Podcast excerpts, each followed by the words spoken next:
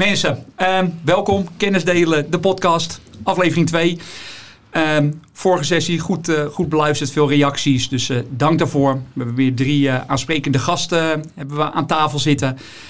Ehm, ik denk dat we, dat we toch weer dit wekelijkse borrelpraatje, want zo zie ik het altijd. Het is gewoon een borrelpraatje, lekker met een glaasje wijn. Gaan we met energie-experts uit de branche praten, over de branche. Net even meer informatie als dat je normaal misschien zou krijgen we verkopen niet de waarheid. We zoeken geen product uh, op productniveau wat we, gaan, uh, wat we gaan bespreken. Het worden gewoon mooie verhalen op basis van een aantal onderwerpen. En net wat de gasten gaan inbrengen. Dus nou, ik heb een paar mooie gasten die wel, uh, wel bespraakt zijn. Dus laten we gauw die kant op gaan. Um, aan tafel Jacques van der Bel van SolarEdge. Technical Marketing Director. Sinds 2013 in dienst bij SolarEdge zag ik. Klopt. 13 jaar in de branche dus. Um, lid van de NEC 82 ook. Dus ook ja. nog uh, in de normcommissie uh, heel erg actief. Nou ja, als je al zo lang zit bij, bij SolarEdge, dat is volgens mij marktleider in residentieel Nederland. Ja, klopt. is klopt wereld, wereldwijd. ja, graag gedaan. Ja. Leuk dat je er bent. Um, mooi ook dat je tijd hebt in je drukke schema om nou ja, hier toch eens te komen praten. Ja, wat, jij, wat jij kan en wat jij allemaal wil delen, mag delen. Um, dus welkom. Dankjewel. Um, aan de andere kant uh, Jelko, Jelko de Deugd. Um, senior projectmanager van Van de Valk Solar. Ja, Onderconstructies. Klopt. Jullie maken de, de, de systemen waar de panelen op liggen. Dus voor platte dak, voor de schuine daken. Um, nou ja, ik zag dat je al bijna zeven jaar in dienst bent. Nog een maandje, dan ben je zeven jaar in dienst. Ja, ja, ik zag het. Dus ook al lang in de, ja. in de business. Nou, een van de grootste leveranciers denk ik in Nederland uh, voor ja, dakdraagsystemen. Klopt, ik denk dat jullie de nummer twee zijn, als ik het zo uh, moet inschatten. Uh, Eén of twee. Ja, daarom. Gedeelde eerste plek. Ja, gedeelde eerste plek. Oké, okay, hartstikke mooi.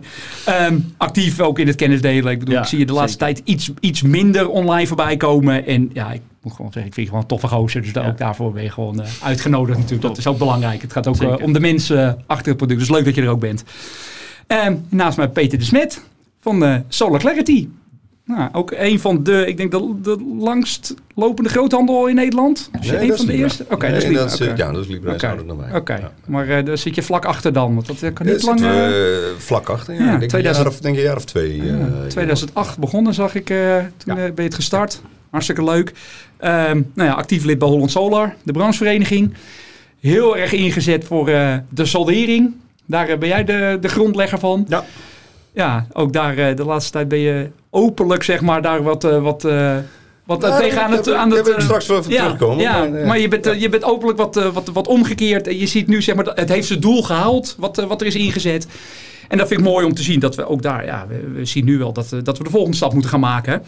Um, en ik zag dat je, dat je, je, je vroeg in de gereedschappen gezeten. Ja, Vaak zeker. met Stanley uh, Blekker-Dekker. Ja, Jij was van de, van de Stanley mesjes en de... Nee, ik was van het Vacuum gereedschap. Okay, dus okay. van de, zeg maar de, de professionele tak, zeiden wij dan altijd. Dat vonden de jongens van Stanley niet zo leuk. Maar, ja. uh, uh, dus me, zeg maar echt het, het, het, het ja, metaalbewerking, metaal... De, de, motoren en dat soort zaken. Dus de, de autogarages en fabrieken, dat waren onze klanten. Mooi. Gaaf. Dus uh, niet de hout- en bouwbewerking, okay. zeg maar, maar alles wat motoren en alles zijn. Dat, uh, ja. Wel altijd uh, in de techniek dus. nou, niet altijd, maar wel. Je noemt jezelf niet technisch, zeg je iedere keer. Maar, nee, maar dat ik heb er zeker ja. wel affiniteit ja, mee. Ik ben ook wel een, een, een, happy klusser, zeg maar. Maar nou, ik heb absoluut geen technische opleiding. Ik heb het echt moet op latere leeftijd moeten leren hoe dat nou zat met volt en ampère, hoor. Dus, Oké. Okay. nou, we gaan het straks testen. Ja, ja, oh jee. Ja, gaan we, kijken, gaan we nog eens kijken hoe goed dat gaat. Um, nee, leuk dat jullie zijn alle drie, want uh, ja, ik denk dat het uh, weer uh, andere gasten, andere, andere insteken. Dan gaan we eens kijken wat voor, wat voor gesprek we hebben. Um, voor de kijkers, luisteraars, we staan op YouTube, staan op Spotify, dus duimpje omhoog en abonneren, hè, dat is van belang, zeg mijn zoon. Um, dus dat, ook daarvan, dat is ook van belang om dit door te delen. Dat we met z'n allen toch verder komen en niet meer dat, dat we ook de technisch inhoudelijke dingen, dat we daar proberen iets verder te komen. Um, laten we beginnen met de eerste vragen, um, waar ik toch wel benieuwd naar ben. Hoe kijken wij naar de soldering? Want de soldering, het was weer in de Kamer. Het is niet door de Eerste Kamer gekomen. Ja, wacht, het ligt nog niet voorgelegd. Nee, nee, nee. nee maar ik zag op, op vandaag dat het, het was... Ze hebben het nu uitgesteld, hè. Want ze hebben gevraagd... Uh, uh, we wouden het voorleggen, maar ze hebben gezegd... we willen eerst nog schriftelijke vragen gaan ja, stellen. Klopt. En dan gaan we er daarna... Nou, Peter, jij, jij bent de, de, een van de grondleggers van de soldering. Nou, ik ben geen grondlegger hoor, want solderen bestaat al langer dan dat ik of wie dan ook. eh, eh, ik, wat ik het mooie vind aan solderen, en dat weet bijna niemand, daar ben ik ook maar uh, spelenderwijs achtergekomen, dat is per ongeluk ontstaan. Solderen is namelijk niks anders dan als, we, als je stroom gaat produceren thuis. Ja, dan gaat die stroom die gaat zijn weg zoeken. En als er geen vraag is thuis, dan spoelt het terug het net op. En dat kon helemaal niemand meten. En dan hadden we die, die, die, die analoge meters en die gingen dan terugdraaien. En toen was het van, nou ja, laten we dan maar toestaan dan. Want er was namelijk helemaal niet om het te meten. Dus het is uh, in zoverre per ongeluk ontstaan dat het letterlijk tijdens een brandweeroefening... moesten een paar van die gasten, die moesten dan naar buiten brandweeroefening, iedereen op de parkeerplaats. En dan hebben ze op de parkeerplaats bedacht, wat gaan we eigenlijk doen met die, nou, met die, met die ene sterveling die ja. thuis stroom produceert en die dan terug kan leveren. Nou, laten we dat dan maar solderen noemen. Ja. En het, het is zo is het ontstaan. Maar dus heel lang bezig, per ongeluk ontstaan. Op een gegeven moment heel, uh, we hadden het begin ook helemaal niet in de gaten hoe functioneel het was op een gegeven moment wel. Ergens om 2012, uh, 11 uh, denk ik, oh ja, verrek, uh, stroom. en op die manier kunnen we er ook geld mee verdienen. Dan hadden we geen subsidies meer. Ehm, en het, heeft, het is het meest simpele, de meest simpele simuleringsmanier in heel Europa. En ook met by far de meest succesvolle. Nederland heeft meer huishoudens met zonnestroom dan ook meer dan bijvoorbeeld dan Duitsland. Ja, ja. In Duitsland zijn er wel heel veel, nog is heel veel zonnestroom, ja. maar niet op huishoudens. En ook in Australië heel veel zonnestroom, maar niet op huishoudens. Dus dat betreft super succesvol. Alleen Soldeer heeft natuurlijk het grote nadeel dat op geen enkele manier uh, relevant is wanneer jij stroom op het net gooit. En als je nou met drie stervelingen bent, met drie zonnepaneeltjes, dan maakt het ook helemaal niet uit. Maar als je met 2 miljoen huishoudens bent en met allemaal zoveel mogelijk vermogen op het dak, ja, dan gaat dat echt wel invloed hebben op het elektriciteitsnet. Dat zagen we, nou, ik denk vijf, zes jaar geleden ook wel aankomen met z'n allen. Toen zat ik nog bij Holland Solar. En toen hebben we bedacht van ja, wacht even, als we niks doen, dan krijgen we straks ongelukken op het net. Ja, als er ongelukken op het net gebeuren, dan krijgen we crisisingrepen, noodingrepen, bla bla. En dat is voor, voor niemand een gewenste situatie. Wat voor, wat voor ongelukken kunnen we, hebben we het over? Want dat is, ik denk dat niet iedereen zal het misschien inzien waar het naartoe gaat. Want iedereen ziet wel solderen. Die, iedereen wil zoveel mogelijk van zijn opgewekte zonne-energie natuurlijk terug. Wat, wat zien we voor, voor, voor problemen dan ontstaan? Um, wacht even, ik maak, ja. die kom ik ja. straks op. Maak even het verhaal. Dus, de, de, uh, dus wij verzagen wat problemen. Toen hebben, toen hebben we inderdaad een, een, een uh, zelf zijn we gekomen met een afbouwregeling. Van we moeten hier eigenlijk op een soort zachte manier vanaf, zodanig dat we de tijd hebben om van de ene situatie solderen naar een nieuwe situatie met batterijen en weet ik veel wat allemaal te komen. Nou, dus dat is zeg maar het traject waar we nu in zitten en dat is eigenlijk politiek is, doordat het groter werd, politiek het alleen maar verder voor zich uitgeschopt.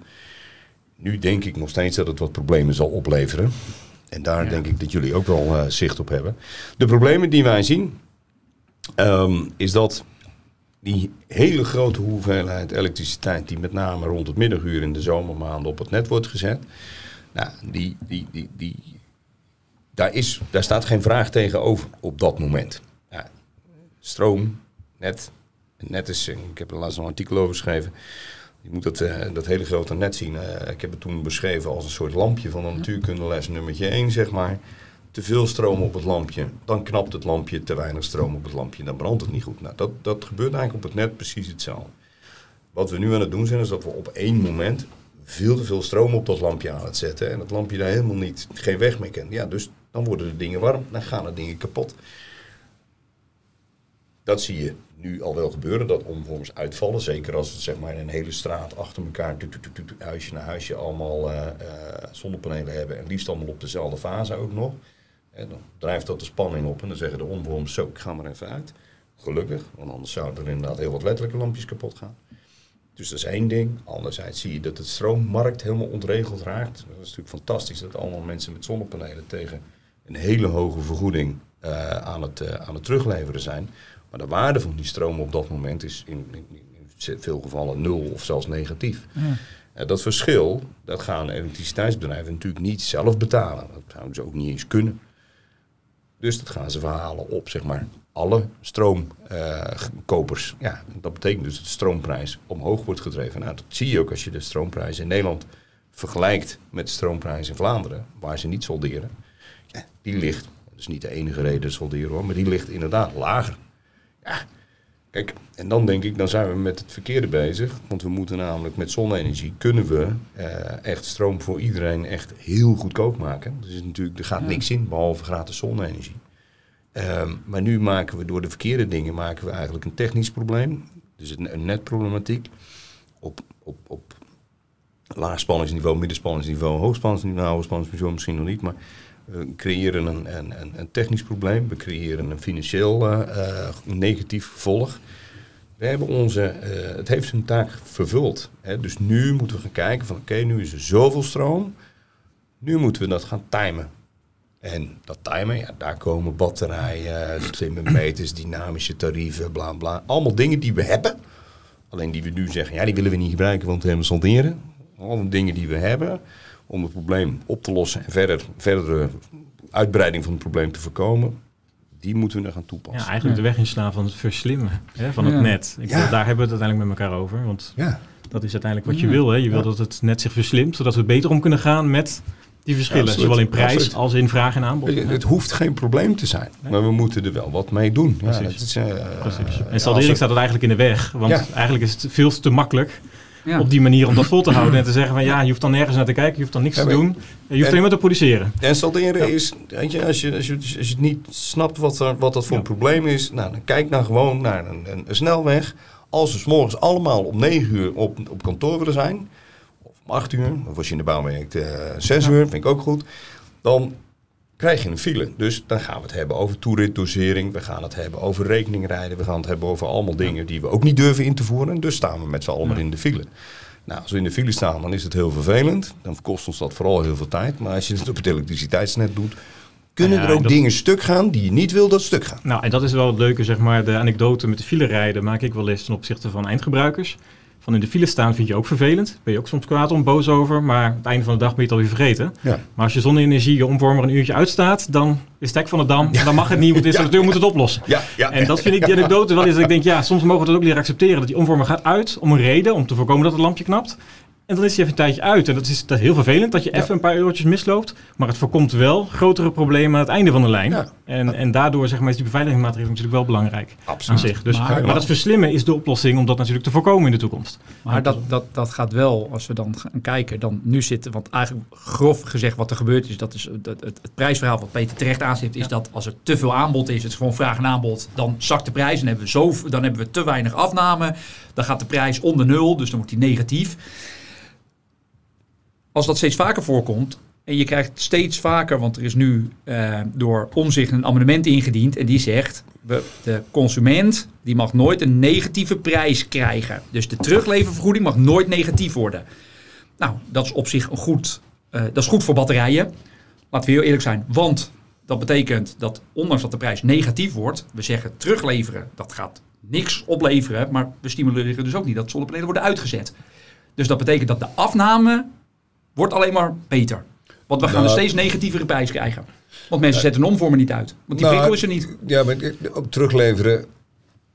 Kijk, terugleveren kan dan, als de prijs niet negatief is, dan kan een prijs wel nul zijn. Ja. En, en dus Maar dan hoef je hem niet uit te zetten, want dan Nee. kost het je geen geld. Nee, het kost je geen geld, maar je, jij zegt het zelf ook. Hè? Als mensen een, een, een kwartiertje opbrengst missen, dan eh, eh, springen ze al in de hoogste boom van ik wil mijn geld.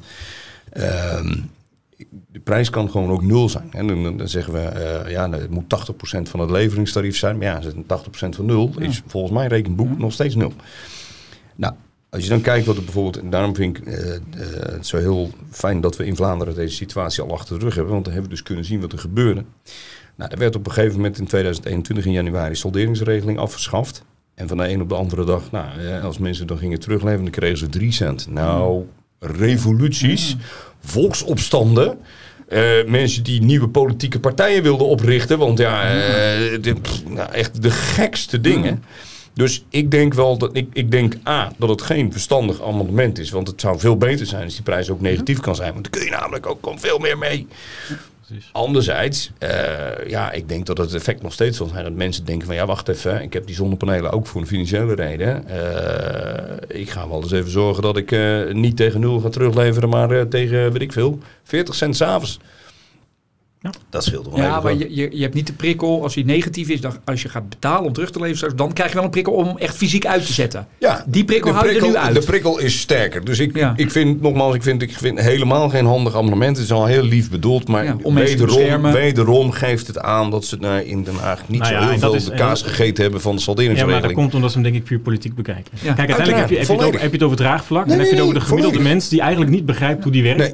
En die denkt, ja, als saldering afvalt, ben ik mijn voordeel kwijt. Ja, je bent je voordeel niet kwijt. Je hebt een gigantisch voordeel nog steeds. Want ik bedoel, vandaag is de terugverdientijd is hoe lang? Misschien 2,5 jaar met de prijzen die we gehad hebben of die we zien op dit moment. Dus veel mensen hebben hun systeem al lang terugverdiend. Ook binnen eh ruimschoots, hè, die, die 10 jaar die eerder eh, een beetje aangehouden werd als limiet. Eh, maar we zien gewoon dat de, de keuze wordt vaak gemaakt op basis van krijg ik draagvlak vanuit de maatschappij, Ja. zonder al te veel moeite dan hoeven te Ik denk spenderen. dat de, de, de hele discussie nu met die saldering, sowieso was de timing natuurlijk gewoon echt heel slecht gekozen. Zo zwak, vlak voor de verkiezingen. Dat, dat, ja, dit, alweer. Ja. Ja. Dit is gewoon een zelf gecreëerd probleem. Ik denk, ja, dat kun je niet aankomen. Maar wat ik heel treurig zie, is dat, en wel aan de ene kant begrijp ik, aan de andere kant heel treurig. Je ziet dat al die posities die ingenomen zijn, ingenomen zijn door verschillende politieke partijen, eigenlijk helemaal niks te maken hebben met wat ligt er nou op tafel, wat is nou het probleem en wat is nou zeg maar het vergezicht, waar moeten we nou eigenlijk naartoe met z'n allen. Het is alleen maar gericht op hoe ga ik bij de volgende verkiezingen zoveel mogelijk stemmen winnen. En voor de rest is er nergens naar gekeken. Nou, dat vind ik, ik wil nog één ding over zeggen. Even een vraagje. Dat vind ik dan heel triest, want in dit dossier, wat ik goed ken, daar herken ik het. En dan denk ik altijd bij mezelf, ja, maar dan is het met al die andere dossiers, zorg, weet ik veel, Nou, precies. precies zo. Precies. Even een vraagje, Peter. Jij gaf net aan eh, dat je onderdeel bent geweest van het initiatief van Salderen. Eh, gaf je ook aan in de tussentijd dat je met Holland Solar aangaf dat je al een afbouwvoorstel hebt gemaakt. Mhm. Wat vind je nu van het voorstel dat er nu ligt? Dat het vanaf 2025 volgens mij met We gaan gelijk naar 64 64. Nou ja, het afbouwpad hebben we eigenlijk zelf ontworpen. eh, met met eh, de, de, de mensen van, van Holland Solar. Omdat we wisten van ja, we lopen tegen een technisch probleem aan. Ja, er waren we destijds, dat ja, weet ik nog wel, destijds heel veel verschillende alternatieven dat- nou, met er, zaten, er, stapgewijs. zaten, of- er zaten al onze bedrijven Ja, zaten daarbij. Van Ja. jongens, we, we, we, we weten dat dit gaat gebeuren. We moeten voorkomen dat het een probleem wordt. We willen ten alle tijde voorkomen dat er noodingrepen gebeuren. Want die zijn voor iedereen allemaal altijd alleen maar erger. net als Vlaanderen als... Net Ja, als Vlaanderen. ja, nou, daar ja. heeft de markt ook een half jaar stilgelegen. Ja, Daar is echt niemand ja. beter van geworden. Nou ja, Niet ze, helemaal ze, waar, ze, ze, ze- ja, wel. ik, wou- ik wou net zeggen, want ze zijn wel een stuk verder. hè. Als Ja, maar de schokken, de zijn wel heftiger. En dat is niet goed voor de markt. Nee. Nee, oké. Fair Dus we, hè, toen hebben we gedacht van jongens, laten we nou, als al die, die politie waren, er zijn er altijd heel helder over geweest. Van joh, het moet ooit eindigen. Nou, prima. Het kan ook niet oneindig doorgaan. Ja. Eh, het moet ooit eindigen. Nou, toen hebben we gezegd, oké, laten we dat nou, dan kunnen we gaan bevechten. We kunnen er ook heel realistisch mee omgaan. Als het ooit moet eindigen, dan moeten we eigenlijk de discussie gaan voeren. Hoe dan? Nou, eh, Ja. wat dan ook. De soft landing, afbouwpad. Ja, en dan ligt er nu een afbouwpad voor wat begint in 2025. En dat is dan, uiteindelijk moet het dan afgebouwd zijn op 1 januari eh, 2031. Ik vrees dat het wel eens too little too late zou kunnen zijn. En dat we die in de, de, toch wel in de, in de tussenliggende tijd echt wel wat, gaan wat, wat, krijgen. wat Ja. klappen gaan krijgen. Ja, en dat, dat is waar we het net ook over hadden. is waar we het net dat, over we, hadden. dat we dit voorjaar... Er zijn natuurlijk dit jaar enorm veel zonnepanelen geïnstalleerd. En dan spreek ik even vanuit Van de Valk dat... eh, het lijkt alsof we levenproblemen hebben. Maar het is gewoon... De vraag is zo enorm gestegen. En Ja. iedereen die twee jaar geleden niks van zonnepanelen wist, wilde weten... Die staat nu in één keer vooraan de keten. En die vinden het raar dat ze een half jaar moeten wachten. Ja. En zodoende, zodoende zijn we in een stroomverstelling, in stroomverstelling aan het verduurzamen. En waar we het net over hadden, Nou ja, de klappen die gaan dit Ja. voorjaar die gaan als de prijzen, als, als er meer zon in het Juist, net wordt gevoerd, exact. dan gaan we zien dat wordt de prijs naar beneden gedrukt. Exact. Het is natuurlijk volstrekt helder, zeker zoals we hier rond de tafel zitten. Wij willen allemaal naar 100% zonnestroom. En als het een beetje kan, voor ons, wat ons betreft, nog meer. Maar dat betekent dus gewoon een bepaalde systeemintegratie dat daarvoor nodig is. Dan kun je, dit, dit, dit gaat niet. Ik ben altijd, word altijd een beetje, een beetje giftig als ik dan mensen hoor. Ja, 100% zonne-energie en het solderen moet behouden. Ja, die twee dingen gaan niet samen. Nee, nee, nee. Eh, Ja, als ik, ik wil naar 100% zonne-energie en daarom moet ik een systeemspeler worden. Net zoals wind ook zich aan bepaalde systeemregels moet houden. En helaas om te Maar het is- zeggen, maar het is net leuk, zoals kool en weet ik wat. Ja, maar dat komt omdat, bepaalde dat komt systeemregels omdat de mindset was natuurlijk nu toe. Je designt je systeem wat je jaarverbruik is. houden. Maar ga naar Afrika, daar designen ze echt niet op wat je jaarverbruik is. Nee. Ze verbruiken op wat je minimaal nodig Ja. hebt om Ja. hè, de Ja. slechtste Ja. dagen Ja. door te komen. Ja, Ja, Ja. En te zorgen dat je dan niet stil komt te staan. Ja. En in, de- juist in de zomerperiode top je heel veel af. Want Ja. je accu's zijn vol Ja. en je kan niks terugleveren.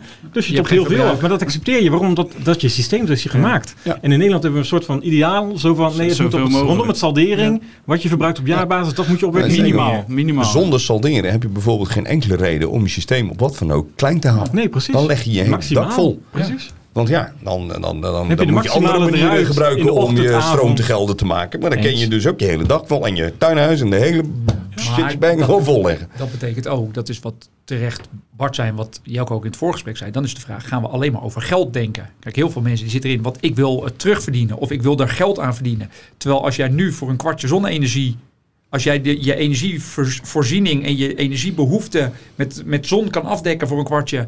Ja, en het kost ook een kwartje, had het uit het net gekost. Waar, waarom zouden we dat Ja. niet doen? Ja. Maar ik dan- ben dan- het 100% mee eens. Kijk, ja, ik, ben, ik ben als activist in deze sector Ja. begonnen en ik ben het nog steeds.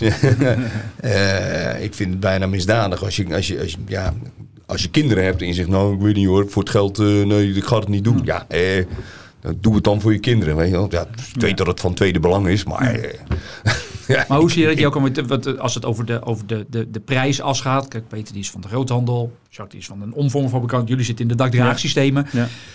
Kijk, ik, ik, ook daar, dat, het, gaat, het is natuurlijk een centenkwestie.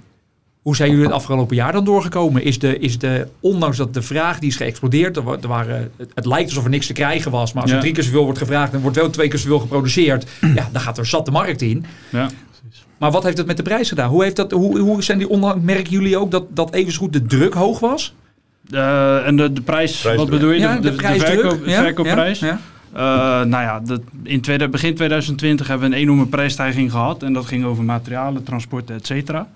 Ehm, maar eh, vooral het afgelopen half jaar, denk ik, gaat het er meer om. Zijn, er, het? eh, zijn er maar spullen Ja. op dit moment? En, ehm, ja, en dat, dat is wat ik net ook bedoelde met de gekte. Ehm, men denkt misschien dat de machines bij ons stilstaan. Maar die draaien op volle toeren. En die zijn nog nooit zo snel aan het produceren geweest als dat ze nu doen. Ehm, Moet de hele dag gekoeld worden. Ja, ja, ja, precies. En eh, nou, eh, dagen van 6 tot 6 zijn, eh, zijn nog niet genoeg. En dan de zaterdag erbij. Dus in die zin is de prijs op dit moment voor de consument niet, niet meer belangrijk. Of ze nou 20% eh, meer betalen of minder, dat maakt helemaal niet uit. Op commercieel vlak zie je, zie je wel dat het een, een dingetje wordt. Omdat Ja. ja. daar gaat het natuurlijk 20% Volumes. over Ja. tonnen, al dan Ja. niet miljoenen. Maar Maar op is, ik, commercieel vlak was het ook best wel. Kijk, daar heb je natuurlijk een, een, eh, ook met je SDE te maken. En, en inderdaad, het zijn. eh, die worden echt alleen maar gebouwd om geld te verdienen. Ja, precies. Ja, ja. weet je, dat dan, zijn echt... eh, en, en die kijken toch naar heel andere eh, prijzen. Want ja, de, de, de, de, de, de, de huishouden elektriciteitsprijs ligt vele malen hoger. Dus die kan inderdaad veel hogere investeringen absorberen. En toch nog steeds een naam dus, dus eigenlijk iedereen die zijn eigen energierekening betaalt, daar is, eh, ja, daar precies. is het minder als, van Als het toepassing. pijn doet in eigen Oh, broekzak, ja, dan kan het in één keer heel snel. maar hoe, hoe groot is de, de, de... Want dat is misschien ook wel goed om uit te leggen. Iedereen die denkt dat er niks beschikbaar is. Ik zat met Jacques ook nog de appen gisteravond. Dat, dat, dan komen we zo meteen wel Ja, op. het, het, Maar- het is eh, niet ja, anders, maar, nee, ik. maar dat is om me aan te geven. Ja. Hoe groot was de vraagverhoging vorig Ja. jaar ten opzichte van het jaar daarvoor? Hebben we dat dan Nou. keer, keer anderhalf, keer twee, keer... Waar Nou, hebben we het? Ik, ik, ik, ik denk, we zijn 100% gegroeid. Ja. Eh, In leveringen. In, in, le- Ja. in productie, in capaciteit. En dat was nog Dus- niet genoeg. En dat was nog niet genoeg. Nee. Dus je kan het eigenlijk niet eens meer peilen. Ehm, ik zou zeggen misschien 300 procent. Ja, dat ik ook wel. En, en Ja, ik denk als we keer 5 gaan, dat, dat, dat we dat nog kunnen verkopen ook. Ja. Ja. Want het is natuurlijk niet alleen maar nationaal, hè. het is een internationaal Ja, probleem. absoluut. Daar ben ik En- heel mee eens. Mensen handelen altijd over tekorten, tekorten. Nee, we hadden helemaal geen is geen tekort. tekort. We hadden te veel aan vraag. Juist, exact. die, die, die, die vraag die ging, welke Ja. industrie, maakt niet uit of je nou weet ik voor glazen, snoertjes, welke industrie kan nou in één keer van de een op de andere dag Verdubbelen. gewoon drie, vier keer zoveel produceren. Juist. Er is er geen één. En, ver- En ik vind het nog niet- heel stoer, want nou, er wordt ook Nou. altijd op fabrikanten eh, uh, ja, afgegeven. ja. Ik vind het heel stoer dat fabrikanten gewoon maal twee zijn hebben gekund. Dat vind ik, hoeveel Nou, en, vergeet niet dat het fabrikanten, maar als je op componentenniveau gaat kijken, ja, die vraag Ja. is van alle markten. die hele Ja, ja, hele auto's, een jaar wachttijd Ja. is geen nieuws. Warmtepomp, een jaar wachttijd is geen nieuws. Dus al die markten zijn gigantisch gegroeid. Ja. Ja. Dus als je gaat terug kijken naar componentenniveau, waar, je, waar wij mee te maken Ja. hebben, ja, dan is daar ook die hele forecasting is helemaal door de war gegooid in drie kwartalen tijd. Ja, ja. Dat is gewoon een ramp geweest om dat weer een beetje, hè, die opschaling goed te krijgen. Zeker. Maar uiteindelijk hoeven we toch ook niet als fabrikant heel veel meer te produceren. Want als we niet meer kunnen wegleggen als als we maar 100 monteurs hebben en al is de vraag keer een Ja, miljoen, als je niet meer, meer monteurs hebt, kijk, er komen wel monteurs bij. En we, Ja. dat, dat zie je, het. dat zie je ook in de Nederlandse markt zie je het heel duidelijk gebeuren. Hè. De Nederlandse markt de afgelopen drie jaren is wel qua segmentatie verschoven van, van, van commercieel naar weer meer naar residentieel. Daarvoor was het andersom. Maar in totaliteit is die markt drie jaar lang al niet gegroeid. Ja, waar zit je bottleneck? Handen.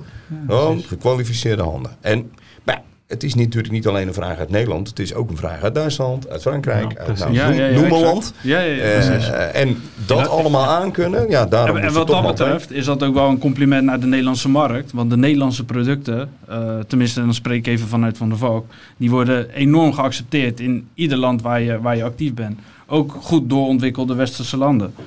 En dat is eigenlijk een, een compliment naar hoe wij, ze- hoe wij ons de afgelopen tien jaar hebben ontwikkeld als, eh, als ik Nederland. ken- zijn. ik- ik denk- was, in de vorige podcast was er natuurlijk heel veel eh, feedback op de markt. En ook wel heel veel dingen die eh, fout gingen en beter konden. beter konden. Ja. Maar wat dat betreft zijn we echt wel met kop en schouder steken we in, in de Europese markt er bovenuit. Zeker. Ik vind dat wij hebben niet in de gaten hoezeer we als markt voorlopen op de rest van Europa. En, 100%. en, en wij hebben het zelf niet in de gaten. Dus vertellen we het ook niet aan de politiek op die manier. Politiek heeft het al zeker niet in de gaten. Ik, ik, geen idee hoe groot dit, dit, dit ding is geworden. Het is echt een, we- we zijn een, een, een hele grote sector geworden met denk ik een relatief hele hoge kwaliteit. en Een enorm hoog eh, export, know-how, exportpotentie. of dat nou is van, van, van, van de kennis van, van de producten en de toepassingen en weet ik wat. Of de kennis van, van, van de productie. Eh, veel groter en veel belangrijker dan wat de meeste mensen zomaar even zien. Ieder- Zeker, het zeker. wordt nog steeds gezien als een of andere... Nou, eh, niet helemaal meer, maar god, we zijn net op geitenharenwolle sokken niveau ontstegen, zeg maar, in de, Ja, in de ja, ogen ja. van de meeste mensen. We zijn gewoon de, de, de, qua rato, qua, eh, qua aantallen van eh, nee, hoeveel vermogen we plaatsen per hoofd van de bevolking, zijn we de tweede ter wereld. En het andere land is Australië. Daar wekt datzelfde zonnepaneel twee keer zoveel op. Dus we hoeven maar de helft te doen. en weet je, precies. we doen het gewoon echt heel erg goed. Absoluut. Mede dankzij het solderen. Zeker. Maar dan, dan zie je dus dat, dat nu langzaam, dat we er wel achter komen. Want we zien, je hoort nu ook uit de politiek weer steeds meer druk van laten we nou meer naar Nederland halen. Want terecht, kijk, een, een, een, een Valk zit hier in Nederland. Een Solid zelf, dat zit eigenlijk over de hele wereld. Hoofdkantoor in Israël. Kijk, er is ook heel veel natuurlijk uit Nederland weggegaan. Want we, we zijn tien jaar nu aan het groeien. Allard zei het vorige week ook. Van, we hebben een enorme groeicurve doorgemaakt. Eigenlijk, ja, omdat we zo hard zijn gaan verduurzamen. Want ja, we moesten wel. Want ja, als je het op het dak gaat leggen, dan kom je vanzelf kom je overal achter wat, wat er goed gaat en wat er fout gaat. Ehm, maar missen we dan ook niet, zeg maar, want eh, dat de, het stukje wat er eigenlijk uit Nederland weg is gegaan, daar zit misschien ook wel een stukje politieke keuze wat we nu, waar we ons achter de oren krabben van hadden we nou maar wel die focus hier gehouden. Nou, ik denk dat dat ehm, niet eens specifiek Nederland. Nederland heeft nooit echt eh, eh, heel veel, een hele grote eh, PV-industrie gehad. Wel, wel, wat. In Lim- Limburg hadden we de, de Silicon Valley of zo, weet ik veel. Nee, niet Silicon Valley. Nou, ik, ik weet niet eens meer hoe het heette, maar eh, allerhande initiatieven. Kijk, we hebben in eh, deze markt is begonnen in Duitsland, dankzij eh, de, de toenmalige minister Herman Scheer, die een heel mooie eh, subsidieregeling, de feed-in-tariff, had verzonnen. Nou, top. Hebben de man nog eeuwig dankbaar, anders zaten we niet met z'n allen. Die markt in Duitsland is toen enorm hard gegroeid. Wij waren echt, we waren veel en goede Duitse fabrikanten. Ja, toen kwam 2008, toen kwam de kredietcrisis en toen hadden we in één keer met z'n allen bedacht van oei oei, eh, we moeten gaan bezuinigen. En al die subsidies op dat groene gedoe, ja dat moet maar eens even gedaan zijn. Nou, vervolgens is die markt in elkaar gepletterd en zijn, zijn, zijn, zijn eh, al die Duitse, Spaanse, weet ik het wat, Franse fabrieken zijn allemaal failliet gegaan. Want ja, afzetmarkt verdween gewoon. En wat in Nederland hadden we een van de grootste installatiebedrijven van Ne- twee van de grootste installatiebedrijven in Europa, Solar Total en eh, E-Concern, Gunner, alle twee weg in die periode door die reden. Ja, de Chinezen hebben op dat moment gezegd van nou, dat is ook zonde, want we, zien wel, want we zien wel heil in deze technologie. We moeten hier verder mee gaan. Niet alleen om het aan Europa te verkopen, maar ook vooral ook om het in China neer te zetten. Ja, we hebben hem gewoon weggegeven. En ik erger me de dood aan als ik weer zo'n politicus hoor zeggen... het is allemaal de schuld van de Chinezen. Ik denk, ja, de enige reden waarom we het op die manier verkopen... verkopen is om te verbloemen dat diezelfde politiek gewoon Ja. echt hele domme keuzes heeft gemaakt. Dus we hebben het aan onszelf te danken. En nu in één keer roepen, we moeten gaan produceren in Europa. We noemden het net, jij noemde het net. We hebben tekort aan mankracht. Ja, maar dat hebben we ook als we straks allemaal fabrieken gaan bouwen. Ik vind het helemaal prima. Ik ben voor allerhande fabrieken, liefst zoveel mogelijk. Lekker weer in de maakindustrie. Wie gaat daar werken dan? Nee, ik hoop niet die gast die op het dak staat nu, eh, want eh, die heb ik nodig. Dus blijf je Ja, af. ja, ja, ja, ja.